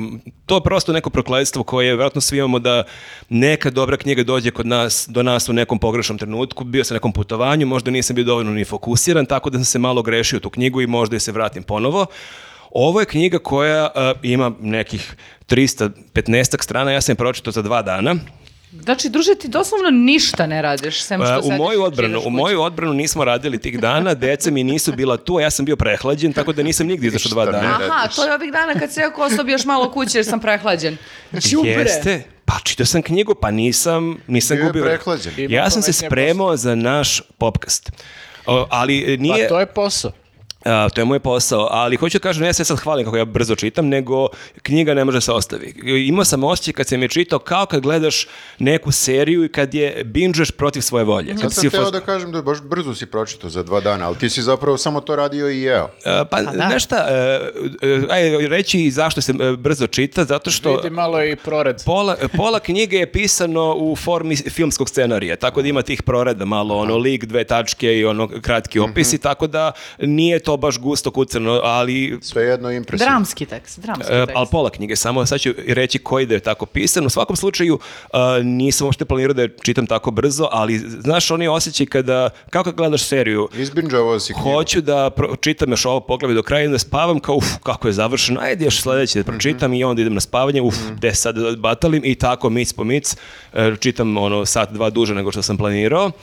Uh, knjiga je stvarno sjajna je i uh, mi pratimo, uh, knjiga počinje zapravo uh, tako što mi saznemo da se, uh, i da inače uh, ko nije čitao Kristijana Novaka, svaka njegova knjiga se dešava ili cela ili delom u Međimurju i ono što je njegov veliki kvalitet i novost, to je da u svim knjigama su dijalozi na njihovom dijalektu, što, koliko sam shvatio, da li niko nije radio u Hrvatskoj ili jako bio redak slučaj, što je s jedne strane jako poštojem, svaka čast, s druge strane iz ugla čitaoca, pogotovo iz Beograda koji nikad nije imao kontakt sa ljudima iz Međimorja, malo je frustrirajuće, jer ti dijalog je... Toliko je komplikovan. Pa to, to je neka mešavina, koliko sam shvatio, hrvatskog i slovenačkog. Da, E, okej. tako da njih ni u Zagrebu ne razumeju najbolje. To je naša zona Zamfirova u stvari. Pa ja mislim da je još komplikovaniji, čini mi se. Čini mi se da je još komplikovaniji i tako da ovde je to malo frustrirajuće kao i svim njegovim knjigama što ti dijaloge kad čitaš ti shvataš suštinu, ti razumeš poentu, ali ne možeš da baš svaku rečenicu i svaku repliku prevedeš znaš, od reči aha. do reči. Dobro, možda baš to i što se. Ej, slažem se, ali nije mi sad, meni, ja, ja cenim to što on radi, ali meni bi bilo možda malo lakše da je to hrvatski, pa da razumem svaku rečenicu, ali to je sad jedna sitnica, ali svaka mu čast što je ostao uporan i što neće da odustane od toga. A, knjiga počinje tako što mi saznajemo da je jedan mlad policajac izvršio samobistvo, i mi pratimo celu knjigu iz dva lika, iz e, lika njegovog starijeg brata e, Marlija, tako mu je nadimak, inače se kao zove Marko, koji je takođe policajac i inspektor, i jedne profesorke u srednjoj školi. I sad, ta profesor, profesorka u srednjoj školi, da, i ova poglavlja koje su pisane iz ugla njegovog brata su pisane u formi filmskog scenarija, a ova su pisane iz njenog prvog lica, ona je tu naratorka. I e, knjiga počinje tako što ona sprema, ona između ostalog drži dramsku sekciju u srednjoj školi i ona hoće sa đacima, ona je mlada profesorka, puna entuzijazma, nju jako vole đaci i s njim ima neki dosta neformalan odnos i ona hoće da oni spremaju Antigonu. Ali još uvijek im ne kaže šta spremaju i ona u želji da u tim nekim pripremama izazove kod njih razne emocije, traži daje im neke vežbe koje oni nisu baš bog zna kako uradili, kako ona želela da u njima izazove taj pravu reakciju. I onda ona želeći da ih iznervira, kaže im jeste vidjeli šta se desilo, pa evo jeste vidjeli šta je bilo juče, Ubio se mladi policajac, imao je 20 i ne znam koliko godina. Sav njegov problem je nastao zato što je nekog tatinog sina koji je besneo na putu zaustavio i napisao mu je kaznu i tu kreće njegov pakao, njega su šikanirali na poslu, mobingovali i taj tatin sin će ostati biti nevin i ja mu želim da ode da trune u zatvoru i tu onako izbaci sebe mnogo možda emotivnije to nego što inače misli u želji da izazove kod njih reakciju, ali problem nastaje tu jer jedna od tih devojaka, devojčica, devojaka, e, zna, porodica njena je prijatelj sa porodicom tog tatinog sina i ona zna tog klinca i ona kaže, ali to, to su budalaštine, on je divan čovek, ja znam i njegove roditelje i njega, to su budalaštine i tu kreće neka svađa između njih. Istovremeno pratimo njegovog brata koji je onako vrlo pravičan policajac, inspektor koji u startu, koji nije pričao sa svojim bratom par meseci i on prihvata da se njegov brat ubio, on je bio malo svojeglav, drugačiji od njega i nekako on u startu prihvata da je to samoubistvo i tragedija, ali njegov otac i njegova sestra veruju da to nije samoubistvo i oni mu kažu, ali ti ne znaš, vi niste bili u kontaktu mesecima, ti ne znaš šta se njemu dešavalo na poslu, šta su njemu radili, koliko su ga sabotirali, koliko je on otvorio Pandorinu kutiju time što je odlučio da napiše tu kaznu i šta se sve dalje dešavalo. Tako da pratimo i on vremenom počinje da, da sumnja da to nije baš tako kako deluje prvi mah, i njihove priče se naravno i ta profesorka i on se susreću negdje i mi shvatamo tokom knjige da se oni znaju i od ranije. Ali zanimljivo je što nekako, kako u startu se spominje ta Antigona, što i ovde negde to jeste light motiv da zapravo taj motiv pojedinca koji se bori protiv sistema i koji žrtvuje sebe, koji dublje sve, e, sve dublje i dublje tone, ali koji je svestan da hoće da zbog nekih svojih principa da ne odustane od te borbe, to je neki, neka moralna dilema koju imaju i on i ona i oni oboje i ona na poslima sa velike probleme, ovi prete tužbom, on ima problem u školi sa direktorkom i to eskalira kao što i kod njega eskalira na poslu. I to je zanimljivo kako otprilike i on i ona u nekom momentu mogu da progutaju uh, i da se povuku i da kažu ok, ja ne mogu da se borim protiv svih ovih, ali oni i ona su dovoljno pravični, dovoljno tvrdoglavi da žele da nastave. Tako da je stvarno ovako jedna jako dobra knjiga, nemojte da vas uplaši njen gabarit, jako se brzo čita, možda vas uplaši njena cena, to je jedina moja primjedba što ova knjiga košta preko 2000 dinara, ali zaista vredi svaki dinar. Svaka čast. Dobro. A, ja sam čitao opet francusku knjigu. Opa. Ovaj, zove se frankofon. da, Čedo apokalipse. A, Evo pisala ga, je vraća se svojim... Virgin, Virgin Independent, a, koja je autorka i Bemoa. To je ovaj, isto ovaj, ona radila. Jer znam za Bemoa. Ne znaš? Ne. Ne znam ni ja. Uje. Dobro, Google, googlejte. Koliko nas je uvredio Ko je sada. razočaran, ali Kao, toliko... kao, kao A Dejan kad je neće ni bio. da nam Ne, kaže. ne. Da, toliko Ne, je razočaran ne da, da ne sam- želi ni da nam kaže. A, pa mislim, postoji, postoji film i bio je jako popularan. Kako se pre prevodi? godina. Ne znam kako su ga preveli ovde, ja ga znam po, ono, bukvalno po tom nazivu. U originalu si slušao. Nisam slušao, ali mislim, dosta je onako, čak i ja koji, mislim, bio je ono, kao malo umetnički, jel? Ovaj, čak i do mene došlo, tako da, ovaj, ne znam kako ste omašili to. Opet nas je uvredio. Ladu nam... Okej. Je li kultur fašista? Pogledaš Nije. jedan film na Mubiju i u fazonu si, Čime smo ko- ovo zaslužili? Je? Ja sam Ne, samo... ovo sam mislio da je stvarno opšte mesto, mislim, ali vidim sad da nije Nastavlja, okej. nastavlja. okej. I dalje O, nastavlja. Izvini, Šone. E, idem ja pogledam Ništa, taj film. ništa, okej. Vraćam se za dva sata. Kako se Okej, zove još jedno, molim te mi reci? Bemoa, bajse moji, se piše. Bemoa. E, zvuči mi poznato, ali Ma sad... sigurno ste negde čuli na leteli. A čekaj, čemu je to?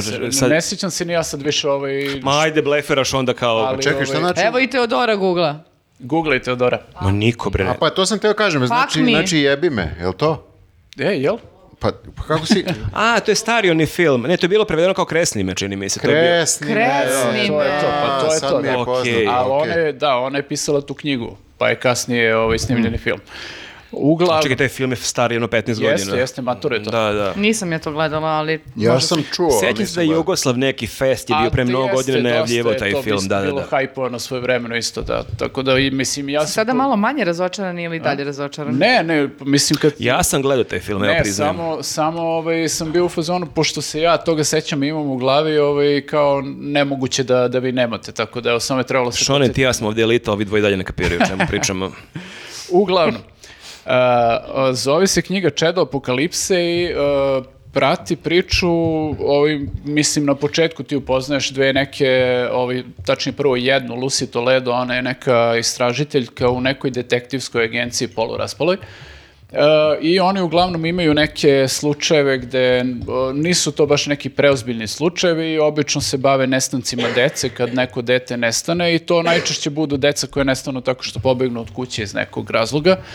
Oni su uglavnom se bavili takvim nekim slučajevima, međutim u nekom trenutku ovaj, dobili su neki a, slučaj gde je nestala ćerka a, nekog a, poznatog francuskog pisca i on, ži, on e, ovaj, ima ženu koja je ovaj, malo i maćeha, zapravo on se drugi put oženio, razvio se od njene majke, oženio se ponovo.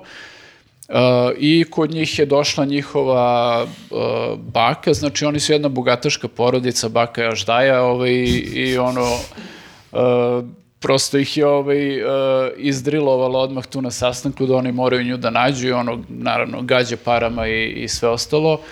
E, I oni kreću u tu potrgu, njoj se kasnije pridružuje jedna jako onako čudna e, detektivka i ona se bavi tim nekim poslom, to je, e, nemaju neki background u, u policijskoj kao nekoj praksi, ali ta recimo detektivka koja se njoj pridruži, Hijena je zovu, ovaj, e, Až da je hijena. da, šta je hijena. Hijene zovu, ona je jako zeznuta i onako e, kasnije ćeš ti da saznaš kako je ona e, prosto stekla, stekla svu tu praksu koju ima i taj karakter ko, ovaj, koji je izgradila vremenom. Uh, uglavnom one kreću da tragaju za tom devojkom Valentin i sve vreme, ona ima 15 godina i sve vreme uh, ti autorka menja perspektivu, znači jedan deo priče priča iz perspektive ove Lucy detektivke, drugi deo saznaš iz uh, perspektive ove hijene, pa iz njene majke.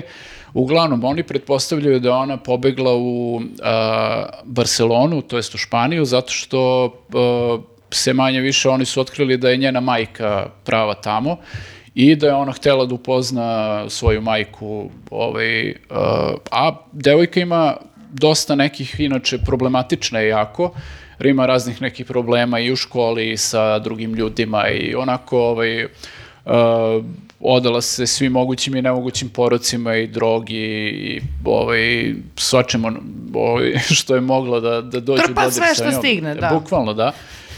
I onda je taj, Ali ne osuđujemo, samo taj, konstatujemo. taj nestanak njen je nekako bio logičan korak, nekako svi su očekivali e, da će da je nađu negde, jel, mrtvu, međutim to se ovaj, e, nije desilo, saznali su da je u Barceloni i onda ove dve kreću da tragaju za njom, da probaju da je, da je pronađu tamo.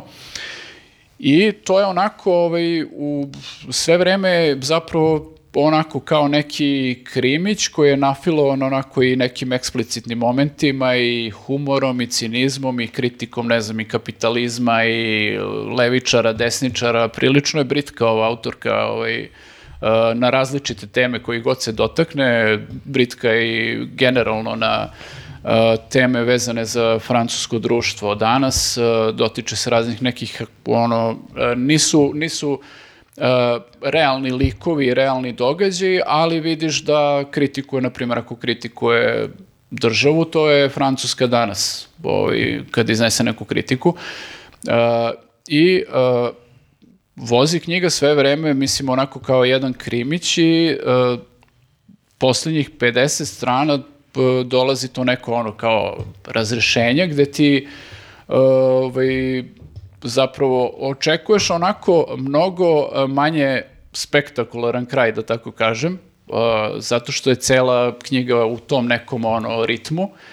I onda u tih posljednjih 50 strana tako ludilo se izdešava da, da si ti u fazonu završiš knjigu i kao baš ti treba onako malo vremena da To se sećam o o onom filmu uh, adaptacije sa Nicolas Cageom, kako imaš taj savjet kad mu on hoće piše scenarij, kad mu samo kaže neki stari pisac, šokira ih na kraju. I koliko je to zapravo sjajno i u filmu i u seriji knjizi kad je takav kraj, kad te nešto baš... I zato je meni ovo priča Jeste, True Detective je- bila prva sezona kao nije me kraj šokirao. Ovo je dosta neočekivano zato što ovaj, uh, ti zapravo saznaš da je ova devojka na, na svom tom jel, uh, A nemoj da otkriješ one. putovanju, neću da otkrijem ništa što je ključno. Ovaj, a, na tom svom nekom putovanju u Španiju ona je upoznala jednu osobu koja je dosta toga promenila u, u njoj samoj i to je na kraju i dovelo do tog ishoda.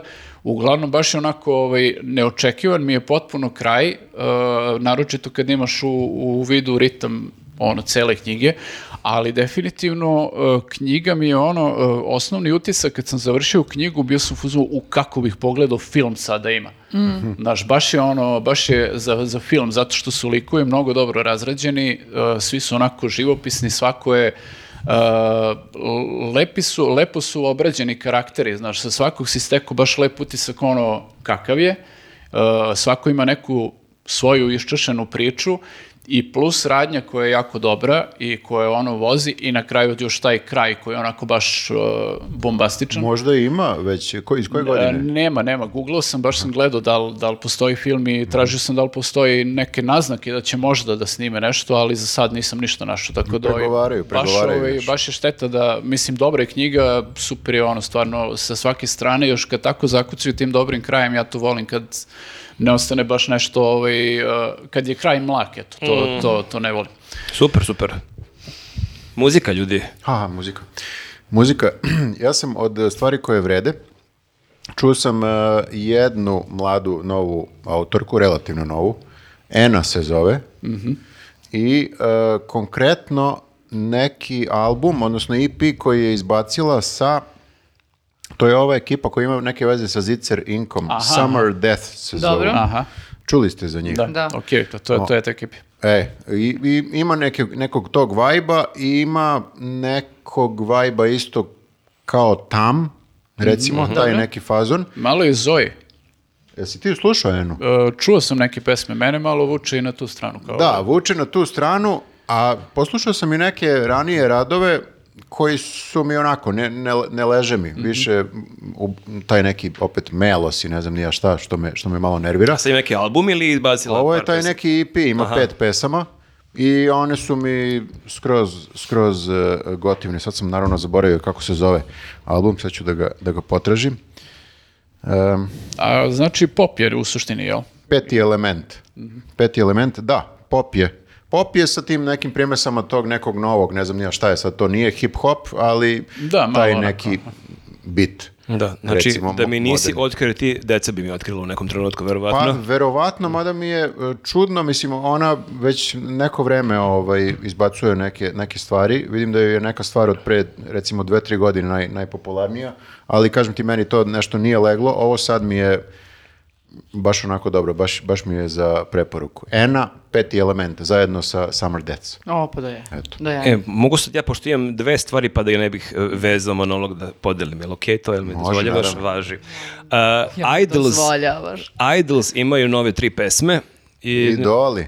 Idoli. Idoli, uh, koji objavit će album sredinom februara i ja to jedva čekam. Ja ne znam koliko ste Nenad je sigurno slušao Idols. Ja sam, da, pri, Ja nisam mislim da sam pomenuo i kad je bio onaj prvi singl ovaj, A, nedavno mogu. kad su objavili, da. Jesi, ovo si pričao o um, pesmi sa LCD Sound Systemom? E, ne, ne, ne. Da, oni sad i spremaju novi album i u pitanju je grup, band je iz e, Bristola, ali nije neki trip hop, nego totalno drugi žanr, u pitanju je neki garažni rock, e, Mhm. indie rock, e, post-punk, ne znam. Post hardcore čak. Pa da, ima, ima, ima i toga malo. da, na ovim ranijim albumima su bili malo žešći. Da, sad mi je e, zvuk, čini mi se da će se tebi više dopasti možda ovaj novi zvuk, pogotovo pesma Dance na kojoj gostuje LCD Sound System koja je potpuno fenomenalna. Uzeli su nešto najbolje od Idolsa i najbolje od LCD-a i spojili su to i ta pesma je fenomenalna. A izašla je sad nova pesma koja se zove Gift Horse koja meni onako početak zvuči kao neka prljavija verzija Block Partija koja dalje se nadograđuje mnogo tvrđi i prljaviji zvuk. U pitanju je stvarno jedan sjajan bend i ja ako postoje neki koncerti u regionu za koje mi je krivo što sam propustio, jedan je Arctic Monkeys na kom je Elisaveta bilo u Pulskoj areni, a drugi je na In Musicu pre neke tri godine. Možda su istog dana nastupali Idols i Fountains DC i to su dva trenutno verovatno najbolja benda u tom nekom žanru koji su istog dana nastupali na 400 km od Beograda i ja nemam pojma što je tamo nisam otišao jer gledao sam neke nastupe, pogotovo Idolsa na nekim festivalima prošlog leta i pretprošlog, ono je spektakl. Da, jeste, mislim, meni je tu Talbot, ovaj pevač njihov, koji on zvuči kao da će da te nabode svakog sekunda. Da, Tako- ta energija, tako zvuči. to nemaš često, A kad takvu ga energiju. gledaš ovaj, u tim živim nastupima, onda uh, bukvalno ti deluje kao ima tako neki poseban uh, ples njegov i neke poze koje zauzima dok peva i bukvalno uh, vidiš da je kao lik koji bi mogao da te iznabada ono u sekundi ako, ako kažeš bilo šta pogrešno. Tako mi evo, neka agresija ono izbije iz Ne, njega. ne, n- koliko se ono živi, ja sam pričao o grupi Future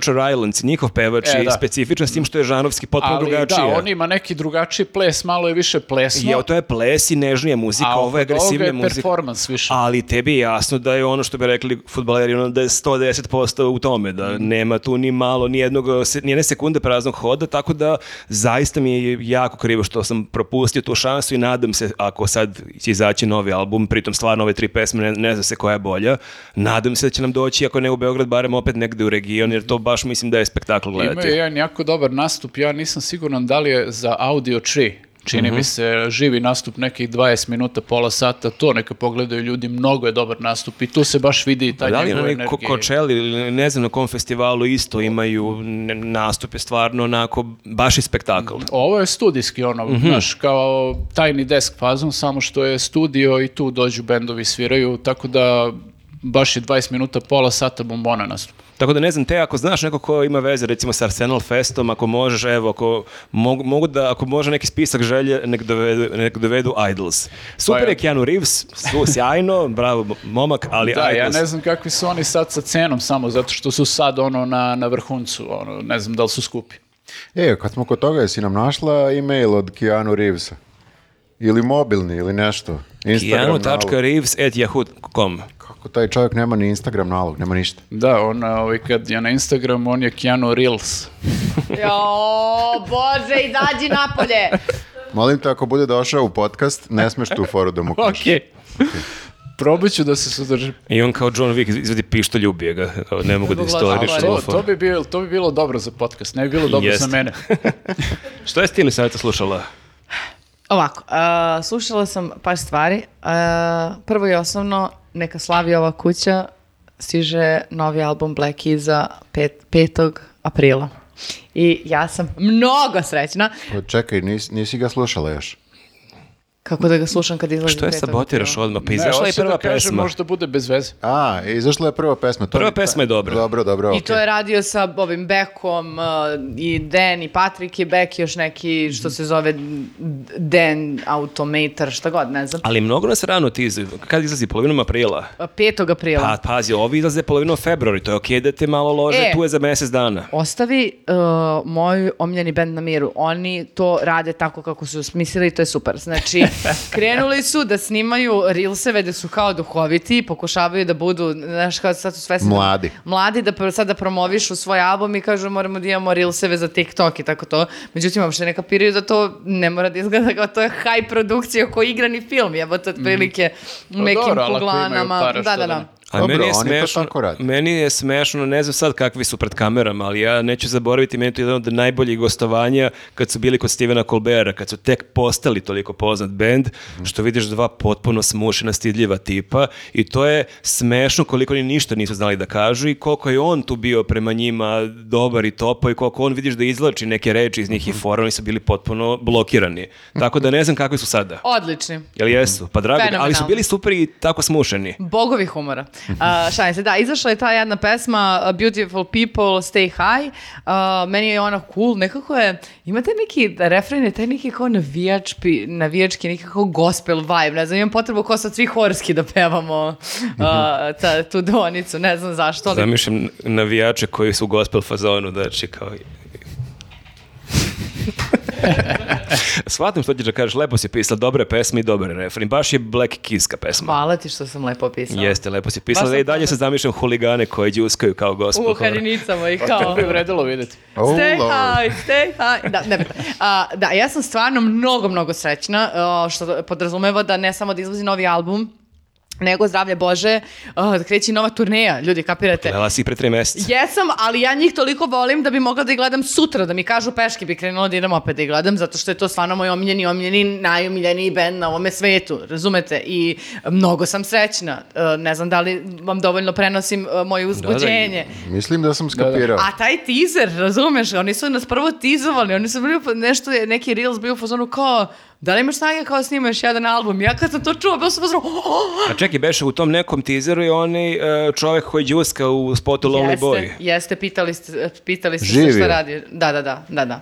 A, tako da, eto, to je a, velika, velika vest, a, a, jedan single, moj, ja kapiram izaći još možda još neki a, pre, pre, Meni se sviđa ta nova tendencija što nemaš više oni moment da izađe album pa onda imaš prvi spot ili par dana, nego što mnogi bendovi sada objave dve, tri, četiri pesme, već te nekako pripreme, pa onda ti ovo nije, nije ti sve novo kad izađe album.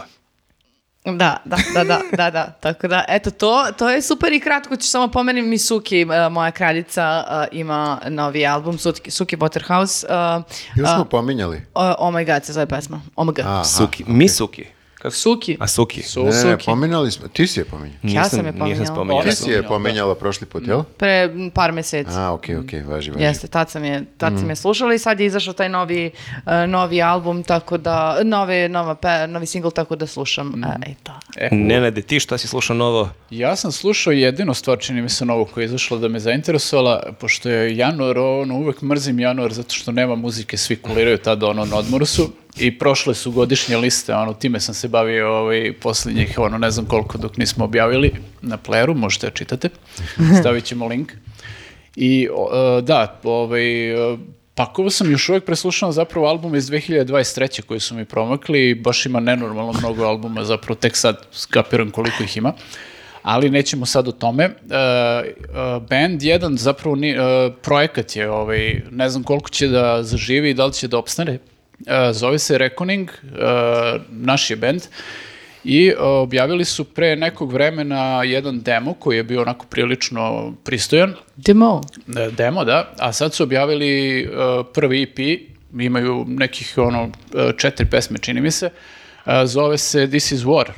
I to je ekipa koja nije potpuno nova i nepoznata. Iza tog benda stoji jedan čovjek koji je, da kažem, ono, poznat na hardcore sceni domaćoj srpskoj, zato što je ovaj, imao još ranije taj jedan band koji je postojao po onako p- skoro, mislim, 20 godina, nisam siguran, lupam sad, Tibio se zvao band E, bili su jako koncertno aktivni od 2000-te do 2010.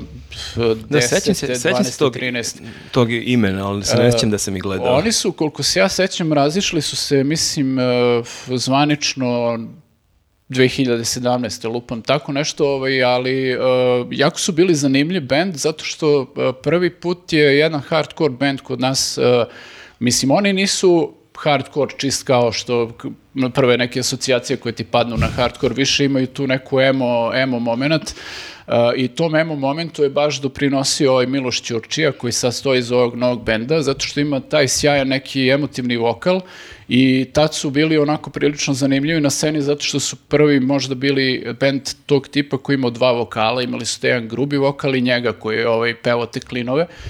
A To su pritom, bijesevi radili, Nenade. ovaj, da, samo što su oni bili ovaj, Kad on- kažeš ovaj grubi, misliš ovaj što se vrišti dere se? Da, da, da. Ok. Ovaj, uh, I bili su dosta p- progresivni za jedan hardcore band, stvarno je to onako uh, dok oni pevaju te svoje deonice i iz- ispod toga se dešava milion stvari, stvarno je ovaj, uh, bio je netipičan band za, za našu scenu potpuno.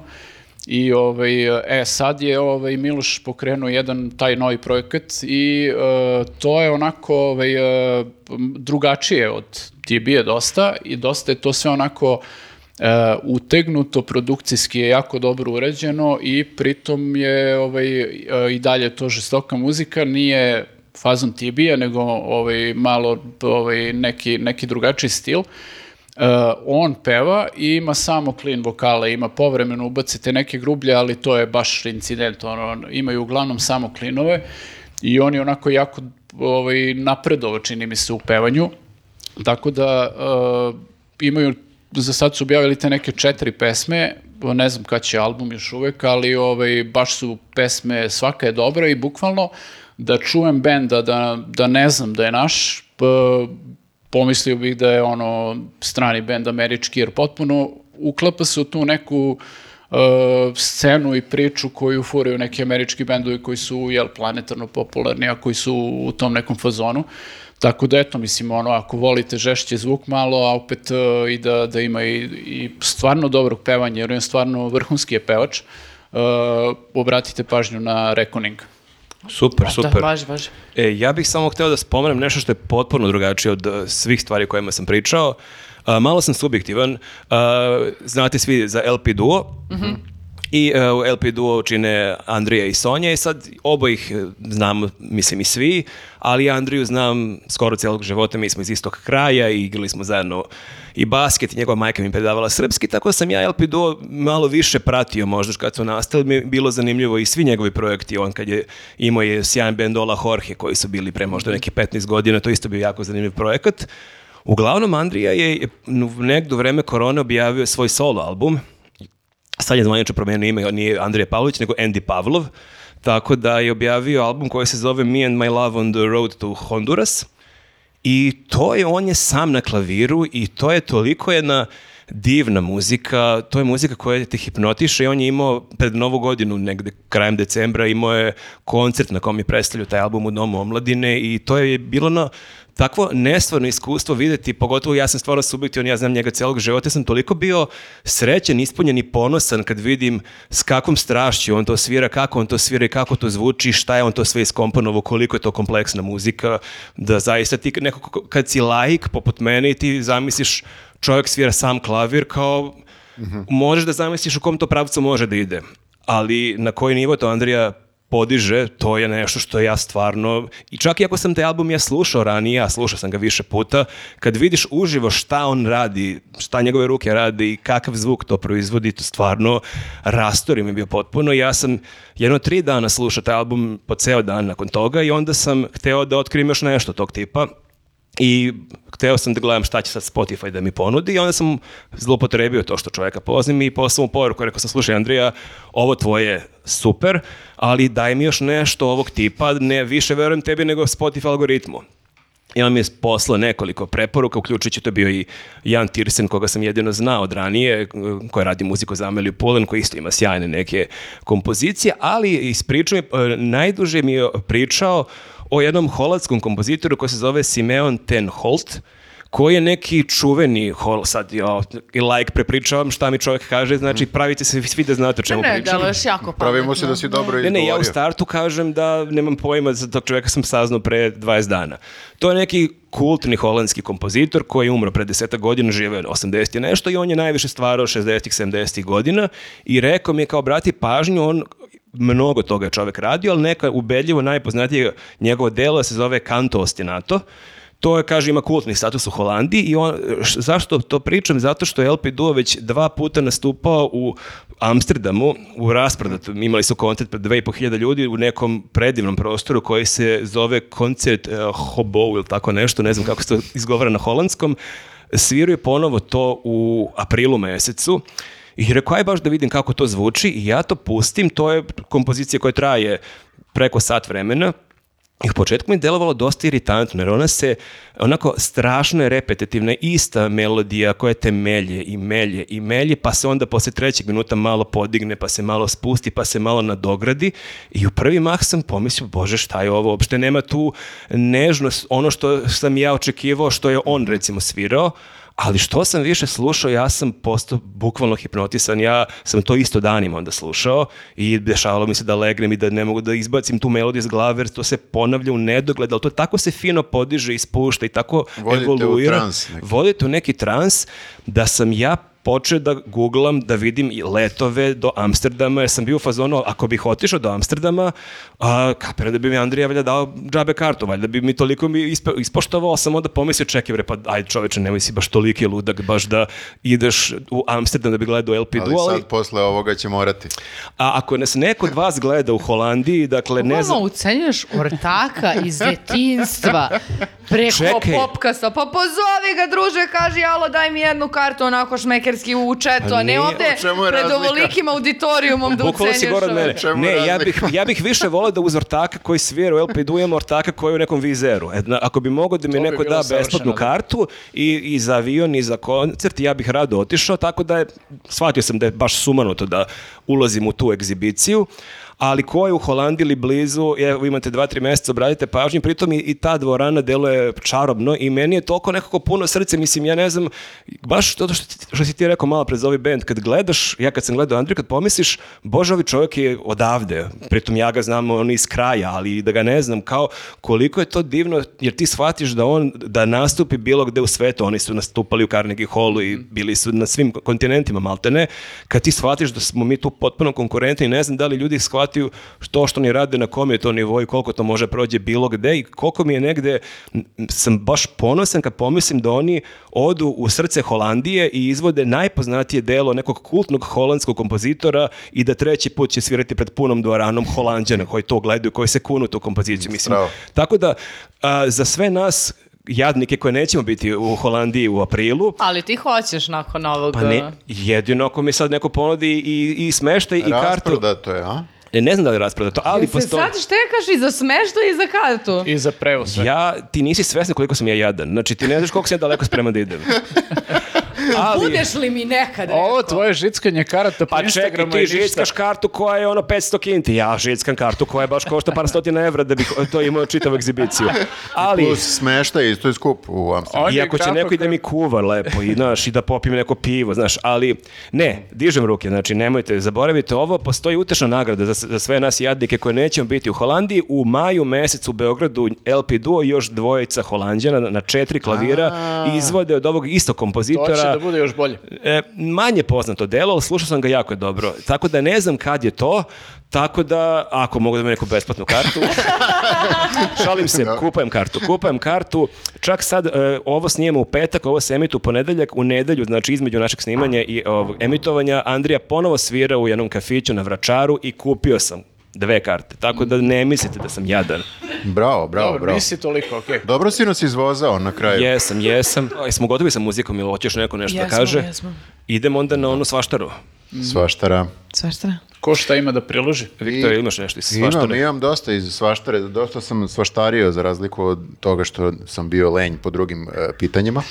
Ali e, imam e, nekoliko, odnosno par e, nekih Instagram profila, Instagram, TikTok, šta ti ja znam, kratka forma je u pitanju. E, jedan lik koji se zove Jason K.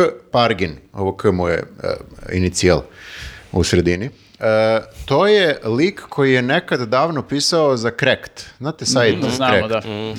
E, I tad je imao pseudonim, ako se ne varam, koji je bio David Wong. Nebitno je skroz. Ali ja se sećam toga jer su mi ti njegovi tekstovi bili prilično dobri. Imao je jako neke dobra zapažanja i onda to je bila duga forma. Uglavnom je imao neke jako duge članke. I ta ekipa sa Crackda je u nekom trenutku i napravila čak, napisala scenariju za neki film, što je isto onako mala digresija sada.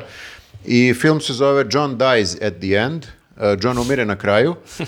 I imate ga sad, slučajno sam naleteo, znači ovo se sve slučajno poklopilo, naleteo sam na jednom od ovih uh, filmskih kanala. Pogledajte ga, nije neko remek delo, ima status kultnog filma zato što je to ekipa sa Crackda i napravili su ga uz pomoć nekog malog budžeta, što se i vidi u filmu.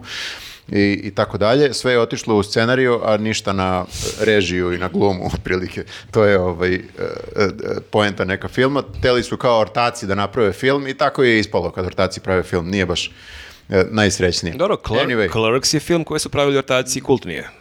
Pa da, jeste, i nizak budžet i sve Da, je da. to tačno, ali nekako drugačije. Možda, nebitno. možda su ove ortaci iz Clerksa talentovaniji od ovih ortaka iz Crackda. Pa to je definitivno ili je negde na nekom drugom nivou pukao film, ali nebitno je. Uglavnom, uh, fast forward napred na današnju godinu, znači Cracked više ne postoji u tom obliku.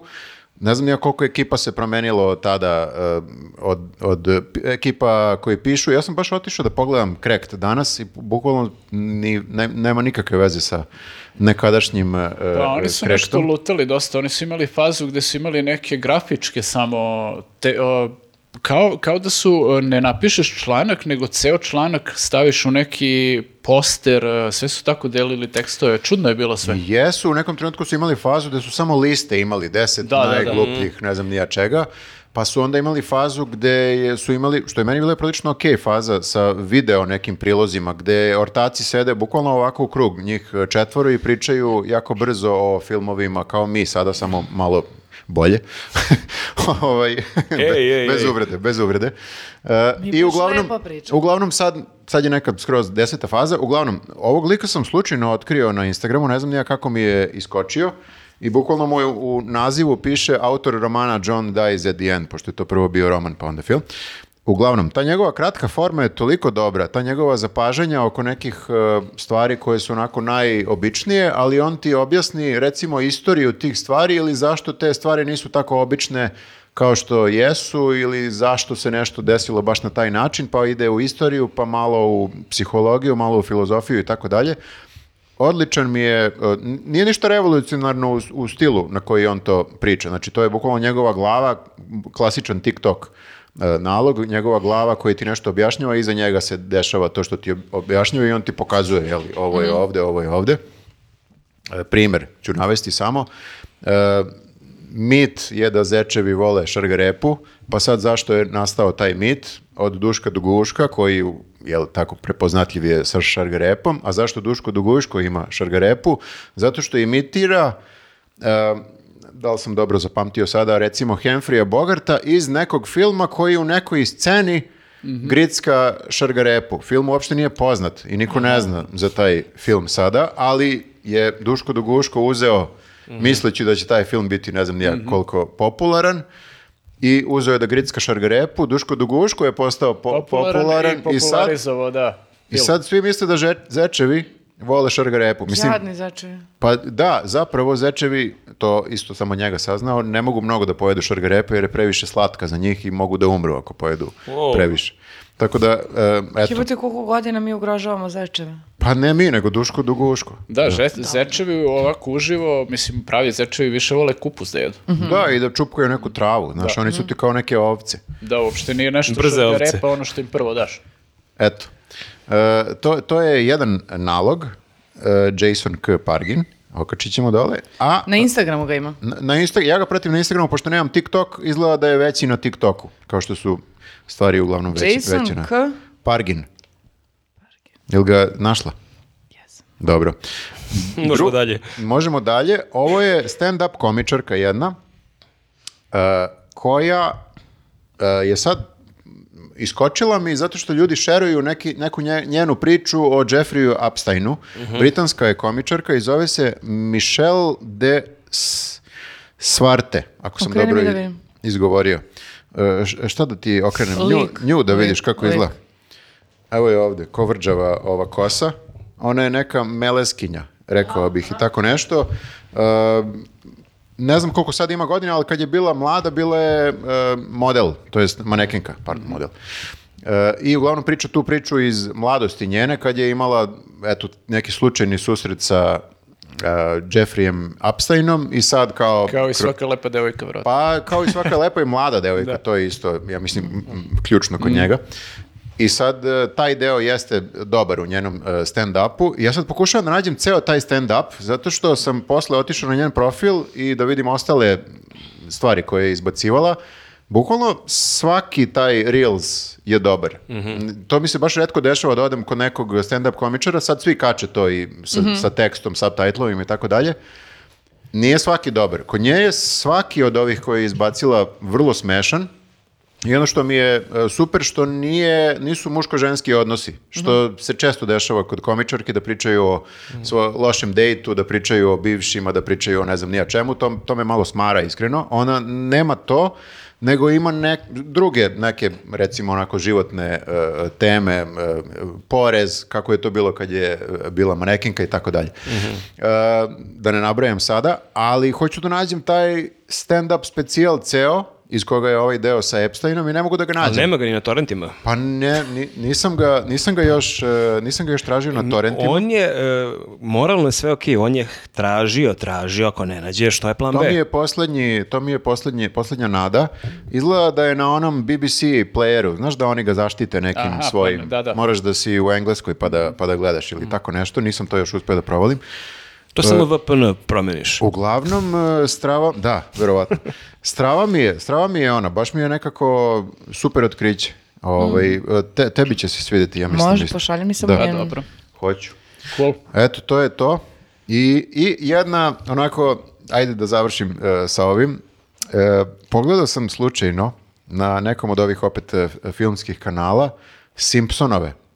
Dobro. I moram da kažem, nevjerovatno da sam i ja gledao, ja sam shvatio kako plaćam ovaj Disney Plus, da tu imam 35 sezona i ja znam da to postoji dalje, ali nisam gledao Simpsone jedno 15 godina. I pogledao sam prvu epizodu novog serijala, super su. Oni Da, oni kidaju. dalje- Oni kidaju i- Oni i dalje kidaju i ja ne znam, mislim, sigurno ima publiku čim je i dalje Čekaj, tu. izlaze nove epizode.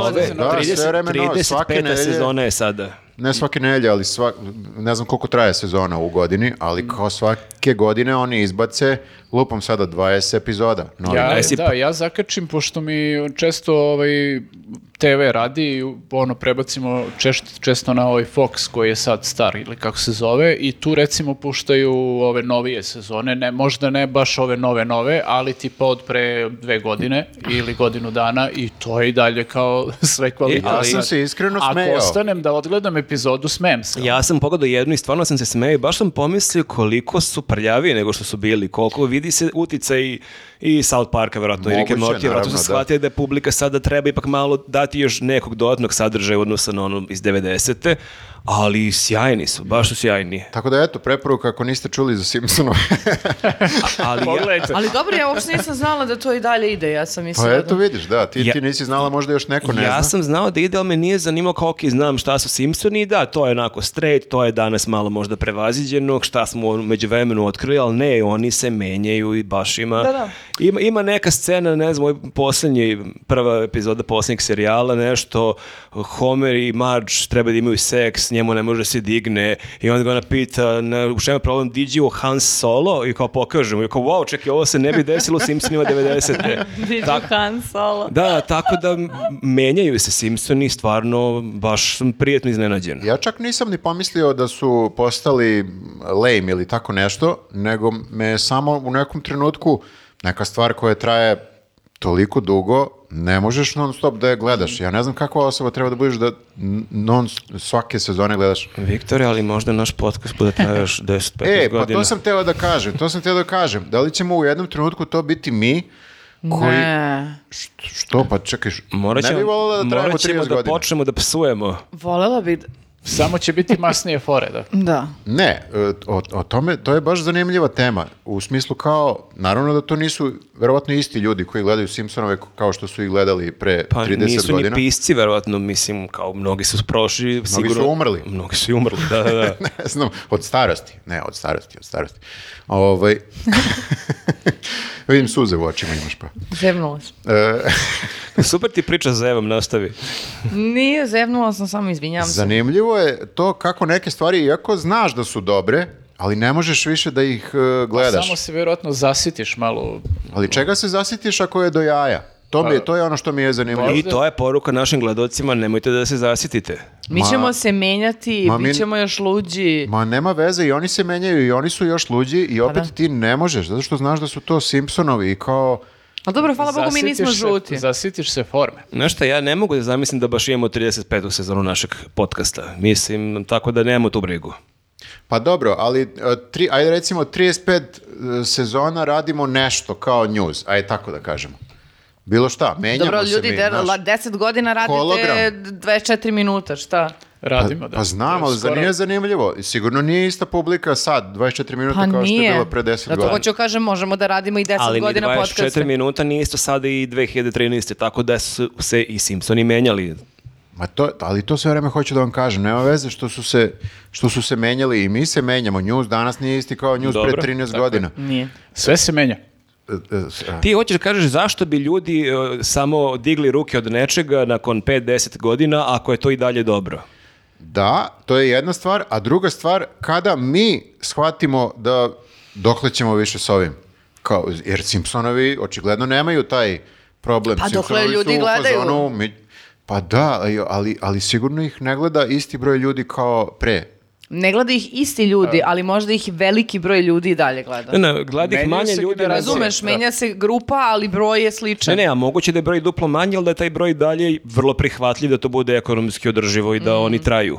Dobro, A i okej. ako je njima lepo da to rade, Da, pritom ne a moraš da... vidim, bu- ti... ja bih rekao po novim epizodama da, Da, jeste. da, ali ti ne možeš da budeš u vrhuncu 30 godina, možda ti budeš u fazonu, pa kao i bendovi, ja sam pokidao 95. Naravno. ali sad i dalje sviram i super mi imam publiku. Ali i dalje Dobro, puni rešili ste, arene mi- na rešili ste mi neke, neke dileme koje sam imao. Znači, nastavljamo do 35 sezona. Tako je. Mm, Gruva, 32, 31, ne moram baš 35. da, Dobro, da ne preterujem. Imaš ti nešto E, za svaštaru? Ovaj, ajde, ja ću pomenem, na, najzad sam završio ovaj e, strip koji sam pomenuo u jednom podcastu, tizovao sam Ro, e, Robocop, e, to je neki omnibus Fren, Franka Millera, ima nekoliko epizodu, njemu ima 400 strana, znači ovaj, baš treba da se čita. E, inače, ima ga na jednoj aplikaciji koju sam nedavno ovaj, isprobao, Comixology, Comixology se zvala, a sad je to Kindle app. Ono, rebrendirali su je, to je Amazonovo inače. I imaš ono kao neku pretplatu, platiš ovaj, mislim da nešto oko 5 dolara i to imaš za tih 5 dolara pristup njihovoj biblioteci stripova gde ima i od ovih uh, uh, superheroja pa do mangi, ono, bukvalno svega i svačega ima. I ovaj, završio sam taj strip i stvarno, stvarno je odličan zato što ovaj, uh, nekoliko različitih uh, stripova zapravo ima u tom jednom, ovaj, to su različiti stilovi i uh, neko ko hoće da se upozna kao sa Robocopom, ko, ko nije nikad, na primjer, gledao film ili čitao bilo šta ovaj, vezano za njega, baš iz ovog omnibusa može da, da skapira koja je priča, ko- ovaj, ko je on, kako je postao to što jeste i ovaj, a i malo je onako, mislim, bar mene je nostalgija ovaj, eh, odradila prilično kad sam se vratio na, na Robocopa posle 100 godina, mislim da nisam od 90-ih kad su izašli oni filmovi, su 90-ih izašli Možda filmovi? čak i Čak i 80 i neke 80-ih, prvi. da. Ali ajde, 90-ih sam ih gledao. Ovaj, e, tako da me baš i malo nostalgija to odradila, podsjetio sam se ovaj, kako je to zapravo, mislim, iako ti malo deluje kao e, sama postavka banalno kao policajac robot, e, deluje onako malo klinački, zapravo priča uopšte nije klinačka, ovaj, prilično je e, ozbiljne, ima neke ozbiljne dileme i pitanja koje otvara i ovaj, naročito danas kada pričamo i o veštačkoj inteligenciji i tim stvarima, malo posmatraš stvari iz druge perspektive. Tako da eto, ovaj, to je nešto što sam ovaj... Plus su filmovi, ako se sećam, mislim sećam se, zato što su jako upečatljivi, bili vrlo krvav, krvavi i vrlo... mračni. Mračni, da, da, da, i vrlo je ono distopija koja... Jeste, jeste, da. Kad si klinac ne kapiraš je tako, tek kasnije kad pogledaš kao, wow, šta sam kad- ja gledao kao Jeste, sa ali 10 to godina. nekako drugim očima posmatraš kad si klinac, valjda samo izvučeš ono što možeš da procesuiraš, ali kad pogledaš zapravo to je stvarno mračne priče. I ovde je jako, ovde e, ne samo što su mračne, film koliko se sećam nije toliko, ovaj, e, kako bih rekao, satiričan. Pa Jeste, jeste, E, jeste. ili film, se ja ne sećam. Jeste, jeste, i film je satiričan, o- baš sam teo e, kažem. Ovi stripovi konkretno baš su ono satira je na maks. Da, baš, da, da. Svi su Sećate ovi... se reklame koja je kao zaštita E, za to, vaša to, kola. to. Reklama Da. koja je zaštita za vaša kola, to je da je lopov kao uspe da uđe unutra i uspe da obije auto, ali u trenutku kada upali, ne prepozna ga auto i onda ga uh, uh, ubije strujom Da, to auto. na- I kao, to je super zaštita za vaša kola, lik koji ispada spržen iz kola i kao samo ga sklone odatle, kao, eto, to je...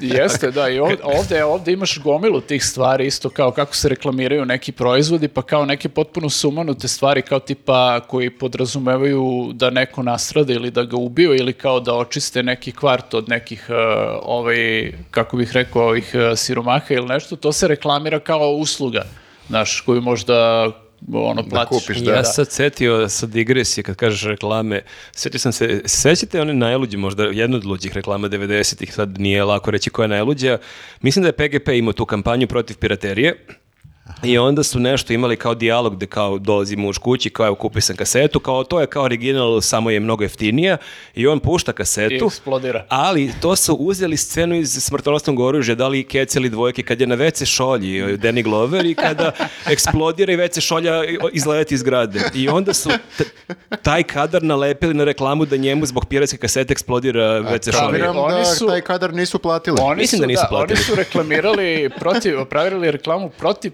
piraterije tako što su su ukrali iz hollywoodskog Ukra- filma. deo. Ukrali su deo da... da. To je, da. Ja moram kažem da sam kupovao razne piratske kasete da, da mi nikad nije WC šolja eksplodirala kad sam pustio kasetu. Strava, strava, da, Robocop je vrlo, vrlo mračan, vrlo satiričan. E, sećam se isto dela kada predstavljaju nove modele robota koji su svi neuspešni, od kojih jedan... Svaki failuje, da. Svaki failuje, ali svaki failuje na različit način. Jedan izađe, prvo pobije sve naučnike oko sebe i onda na kraju ubije sebe. to je kao, ok, idemo sledeći model. Da, najbolje što su oni došli je ovaj, jedan od ovaj, koji, koji uh, dobar je i jako je agresivan, ali ne mogu da ga kontrolišu nikako. Ovaj, Da. kao, to je najveći uspeh. Tako da, ovaj, da, mislim, ovaj strip je stvarno sa te strane zaokružena priča, ko hoće se upozna i stvarno sa, tom, sa tim ono, Robocop univerzumom i tim celim distopijskim svetom, jer stvarno jeste ovde je nekako ta, čini mi se, možda ja to sad zapravo samo više kapiram, ali ta satira je baš onako odvrnuta na, na maks, što mi se sad u ovom momentu baš sviđa. E, ja sam mislio da ćete vi da spomenete, mogu ja da kažem, ali vi ste napravili lep video sa jedne izložbe pre nekoliko dana. Da, možemo i to da pomenemo. Možemo da, kažemo može, da može. smo... Svi smo bili. Imali smo baš jednu veliku čast da smo bili izloženi nekoliko nedelja i bili smo do jednog velikog triptiha na jednoj jako dobroj žurci gde je bila super ekipa, tu su bili i Travolta i Nick Cave i ko je Marina Jim Abramović. Jarmusch, Wim Wenders, uh, koga sam Nikola sve? Tesla, Nikola Tesla, da. Bruce Willis. E, Da, onda tu od neke e, gradske ekipe tu i ljudi koji Marko Nastić. Marko Nastić, da, da. koji je pored Nika Keva. A, da, jeste. Jeste, ali to sve nije toliko bitno koliko je bitno da smo mi bili na toj žurci. Da. Čekaj, mora, znači, e, to je e, slika Jelene Jelače. E, sad sam zaboravio opet na engleskom kako The se... truth is... uh, The truth is wrapped in darkness. Tako, A? na primjer. Shaped. The Shaped truth is is shaped in darkness. E, dobri smo i nismo još izlapili. Jeste, a u suštini uh, slika je kao uh, žurka pred smak sveta.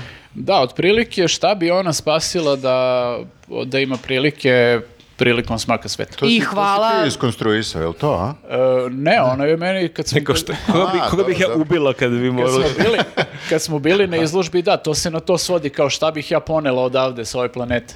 Jo, pa hvala, sad sam dodatno nekako, mislim, A, znala sam dobro, da je dobro. to, ali... I meni je super što super je pogodila naše likove jer ti jedeš.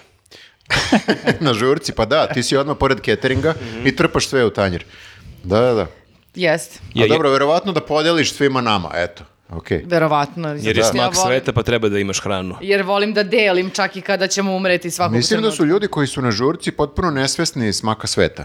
Koliko sam ja protuma... A dobro, možda ja ne umem da tumačim umetnost. U svakom Da, da. slučaju, e, Strava je slika, ja znam te njene, te njene slike, ovo nije prva njena takva slika da ima milion likova, ona je s tim počela 2005. ili tako, znači skoro 20 godina radi, radi takva, takav, takvu vrstu arta. E, I baš Evo- mi je drago da smo se našli na, na jednoj... Pa ne, stvarno je znači da velika smo i čast. mi, mi sada neki kao... Neki ljudi. Evo šta kaže kustoskinja Ksenija, inače osnivačica galerije X uh, vitaminu koji uh, možete da, po- u stvari, mislim, Mislim da sad ne u ovom može više. momentu- ne Mi može. ka- kada ovo snimamo, mislim da je danas Da, zatvoreno. slika inače iz- po- posle Beograda ide u Pariz, tamo će da bude izložena. Idemo a- u Parizu.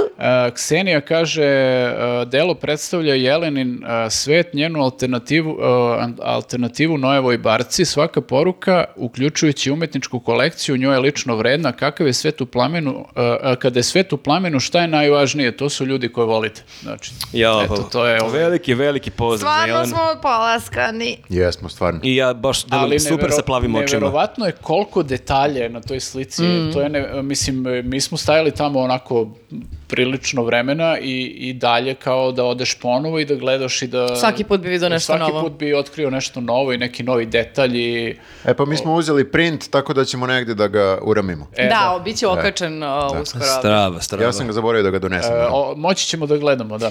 Da, Da analiziramo. E, super. Jel imaš ti nešto preporučiš? E pa, imam, mogu, mogu i sledeći put, ali ajde sad. Kakav entuzijazam. Da, nešto, uh, izvinite nešto, da li mi je pao pritisak, ali baš sam... Um, gledala sam um, to, uh, snimke Rike Gervaisa koji vodi uh, Golden Globes. Zašto? Zato što sam pre toga uh, gledala njegov stand-up poslednji koji je izašao i zove se Armageddon, je li tako? Je li Armageddon poslednji? Ima Armageddon, ne znam da li je posljednji. Da, ja isto mislim da je možda izbacio još jedan. Ali nisam siguran, Dobro, nije. nema veze. Supernature pa Armageddon, moguće da je tako, da. Tako je, uh, mislim da da i uh, on je sad kao po- pokidao sa tim uh, uh, A čekaj, to ovaj stand-up koji mu navodno Netflix nešto nije, nije, nije reklamirao.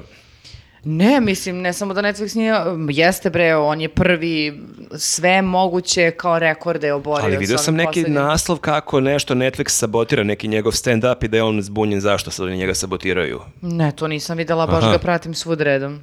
Ok. I bog zna kako je pokupio i nagrada i sve to, tako da... E, znate ko je još dobio nagradu, a preporučili smo taj uh, Baby J, ovaj, John Mulaney. A, okej. Uh, I on je isto Dobro. dobio za onaj uh, Da. After rehab uh, da, stand-up. terapiju. Da, ja stvarno uh, mislim da je to jedan od boljih stand-upova koje sam gledala i mnogo, mnogo smešan uh, i, i poučen nekako. Uh, tako da ako neko nije gledao, a interesuje ga, Baby J se zove uh, John Mulaney. Što se tiče Rike Gervaisa, mislim, sviđa mi se zato što kao gotivim Rike generalno. Ali da, uh, i, sviđa mi se ta uh, ugao koji je imao da uh, otvori temu um, te woke kulture i toga koliko smo kao kultura postali osetljivi na reči i kao kako uh, re- značenje reči prosto nekada i sada nema istu težinu i, i, i kako sada to sve percipiramo. Nisam nešto oduvana u odnosu na to kako je pre imao. Uh, to smo čak, mislim, i ti i ja da, ja pričali. sam, ja sam počeo i čak nisam mogao do kraja da gledam jer, jer mi je bio previše ob- objašnjavajući na neki, kako bih rekao, prvoloptaški način. Ne znam, ne znam. Meni se ne sviđa, mada sad e, nisam ga toliko pažljivo gledao, nisam toliki fan Ricky Gervais, ali sam vidio da u nekim stand-upima ima taj moment da izvuče neki tweet o sebi i onda pročita šta je neko njemu napisao, što se neko uvredio, pa onda se sprda s tim. Nekako mi to, ne znam, Previše suviše lako. mi je lako, nađeš neku laku metu, nekog anonimnog twitteraša kao evo zapravo u čemu je fora. Pa ne, mo- možda su nas razmazili ovi ostali, tipa Dave Chappelle ili ne znam nijak ko. Pa dobro, ali koji- Dave Chappelle isto, mislim, ima O, da, sukob da. sa trans, uh, trans uh, Pa meni- scenom i onda kao Ima, napravi uh, stand-up, uh, baš sam sad gledala i njega, znači napravi stand-up, to mu je ovaj prethodni, ovaj novi nije baš toliko u tom fazonu, ali napravi stand-up da bi se referisao na sve što je rekao pre, da bi odgovorio ovima koji su umeđu vremenu rekli šta su rekli. Da, da, pa da, dobro. malo muze previše tu, tu temu. To je isto i kod njega mi zasmetalo. Pa meni je generalno, izvini, kad smo kod lakih meta, ta vok kultura, to su sad svi, poč- svi počeli Mhm. da komentarišu i da baziraju stand-upove na tome, to je baš laka meta. Mhm. Ovaj, Moguće da je trend koji će da prođe u nekom da. trenutku. Videli su ali... da to prolazi i da postoji publika koja kao ovaj, dobro reaguje na to i onda kao ajde. Ne, o, vidi se da je ovo, uh, kako bi rekla, vidi se da jeste ovo odrađena, dobro odrađena tezga, barem je ja to tako percipiram. Znači, ne mislim da je ovo najbolji stand-up, ali i dalje, njegov loš stand-up je i dalje odličan u odnosu na stand-upove ko- koji postoje. Ne Pa znam. moguće, ali isto tako i mislim da su nas neki drugi razmazili, da ovaj sad prepoznaješ da je odrađivanje, to jest da je muženje toga, te Mo- lažne, momen- lažne kontraverze. Muženje momentuma, jer je Da, baš da. popularni nego ikad. E, ja bi samo e, se nadovezao, upravo baš sam se pitao dok si pričao ovo i kad smo pričali o Simpsonima, zašto i ja gledam po sebi kako nešto što je dobro zaboravim i onda se vratim i ja sam se vratio posljednjih nekoliko dana na slušanje radija BBC Six. I ja sam jedno mesecima slušao taj radio pre 4-5 godina i on je najbolje, najbolja radio stanica na kojoj sam ikad naišao. I ja sam iz ne znam kog razloga potpuno zaboravio, izgubio sam tu naviku da slušam jer kao evo Spotify, evo podcast je neki kao radim neke druge stvari. I sad sam instalirao aplikacije na tabletu, na telefonu i posljednjih par dana sam slušao i stvarno ogromna preporuka, to je toliko dobar radio, pritom mi je super kod njih što i sve emisije oni okače i onda možeš da ih narednih ne znam koliko, čak mislim mesec dana, možeš da se vraćaš i da ih slušaš kao podcaste i da ih pauziraš i da ih nastaviš gde si stao i velike, mislim, stvarno ima sjajnih tu emisija i zavisi šta volite od muzike, vidjet ćete šta vam odgovara.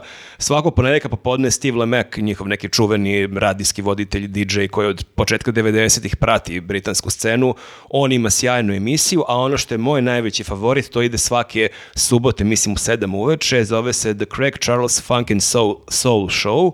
Mislim, funk i soul, onaj izvorni funk i soul je neki žanr koji sam otkrio u nekim kasnim 20. mislim da sam shvatio prvi put koliko to volim kad sam pogledao ni film Soul Kitchen Fatih Akina. Kroz, tad sam ja volio neke te pesme, ali sam tek kroz taj film shvatio koliko ta muzika meni prija i od tada sam gledao da istražujem i šta sam već, šta je sve do mene dolazilo, a ova, mu, ova emisija traje tri sata, ide svake subote i to je toliko dobro, još ja neko sam tempirao posljednje dve, dve nedelje, da- dan kasnije dok kuvam, pustim to onako pozadini spremam nešto tu u kuhinji, perem sudove, šta god, fenomenalna muzika, tako da je to velika preporuka za ovu radiostanicu. E pa onda, Mare, za tebe imam još jedan Instagram profil da ti preporučim, možda ga već i pratiš, evo sad ću da pogledam. Uh, Somewhere Soul. E, ne, ne pratim, zapratit ću. Lik koji preporučuje uglavnom soul, funk, R&B e, i, ta- i tako tu muziku i prilično je dobar u tome. Ja sam mu ukrao par preporuka koje sam ovdje prodao kao svoje. Bože, razmišljam, slušam te sad kao koje si ti Instagram stranice zapratio. Ja sam pre dva dana zapratila Instagram stranicu koja ti daje tipove kako da lepo ukrasiš PowerPoint prezentaciju. Pa nije to loše. Ja sam u nekom trenutku Ali pratio se- neke Photoshop. Ali se mnogo lepše ukrašava PowerPoint prezentacije koji neki dobar funky soul slušaš. Ne, Da, ne, ja sam sigurno. Da li pratite one Instagram stranice koje e, čiste? Oh, jo, ne pratim, ali obožavam to, da Maja gledam. je jedno vreme pratila te naloge, ne samo na Instagramu, nego i na, na ovaj, uh, TikToku. Preporučuju ti neki put sredstvo za čišćenje To- da. nečega, kade ili lupa. A volite ono kad peru tepihe, pa kao kad onaj crni, pa ono nekoliko... Zašto je to toliko popularno? Ja sam pao sad s Marsa, ne znam uopšte šta da, pričate. i- Pa dobro, imaš te neke... Lik koji sređuje svoj stan i ti, to je naravno iseckano tako da ti to vidiš sve za minut, šta je sve sredio, što je trajalo satima sigurno, ali to je, to je sve što vidiš. To Vidiš ga spada- kako usisava tepih, kako zateže posteljinu, kako čisti prozor, kako, naš. Jako mire. To spada, Ali, spada u one satisfying da. videe. Da, A da, ovo da. čak za, tep, za pranje tepiha, znači imaš samo kadar ovako na nekom, nekom ogromnom prostoru gde se peru inače tepisi, donesu crn tepih i onda on na kraju postane, na Prvo primjer, ga peru vodom, pa ga onda pa peru sapunjaju, tečnom, pa ga onda, ispiraju, pa... onda- A što ovaj tepih servis Ružić ne dođe na tu ideju onda ako ljudi vole da Ja- gledaju? a- Meni nije Apelujem jasno, na majke tepih mi, to se- ima milione pregleda. Ja bi voljela kad bi me tepih servis Ružić pozvao da ja malo perem. Meni je to toliko daleko umirujuće. Ne mogu da vam čekaj, besplatna radna snaga. Naravno da može da Ne, volontira. ali zato što ti sve tu sve imaš aparature, nema tu Miki Saginjane uopšte, znači ti se vreme, ako uh, prvo... Kao gospođa. Kao gospođa. Znači prvo ga puštaš vodom, pa onda ovo sapunjaš, pa onda opet onim, imaš neku motku kojom ovako... kš, kš, kš, kš, A čekaj, A nema više ono da, prečke i, i lopaš kao naši roditelji što su Nema, radili. kako je to bilo Ne, pred... možeš to da radiš ako te loži. Ima jedno vreme su ovaj, bili jako popularni oni videi gde imaju neke one prese razne industrijski i onda Pa ono puca. spljeskavaju razne stvari ono, i presuju ih. I, ovaj, A to mi je i destruktivno, to seku mi se ne sapun. sviđa. Nije, meni isto deluje umirujuće. Kad gledaš neko vreme, ovaj, bude ono... A čekaj, ono kad uzmu sapun pa ga malkice to, izrezbali da. i onda ga seku i onako rasprši se Tako je, da, sapun. da. Da, To uglavnom, je isto satisfying, da. Mm.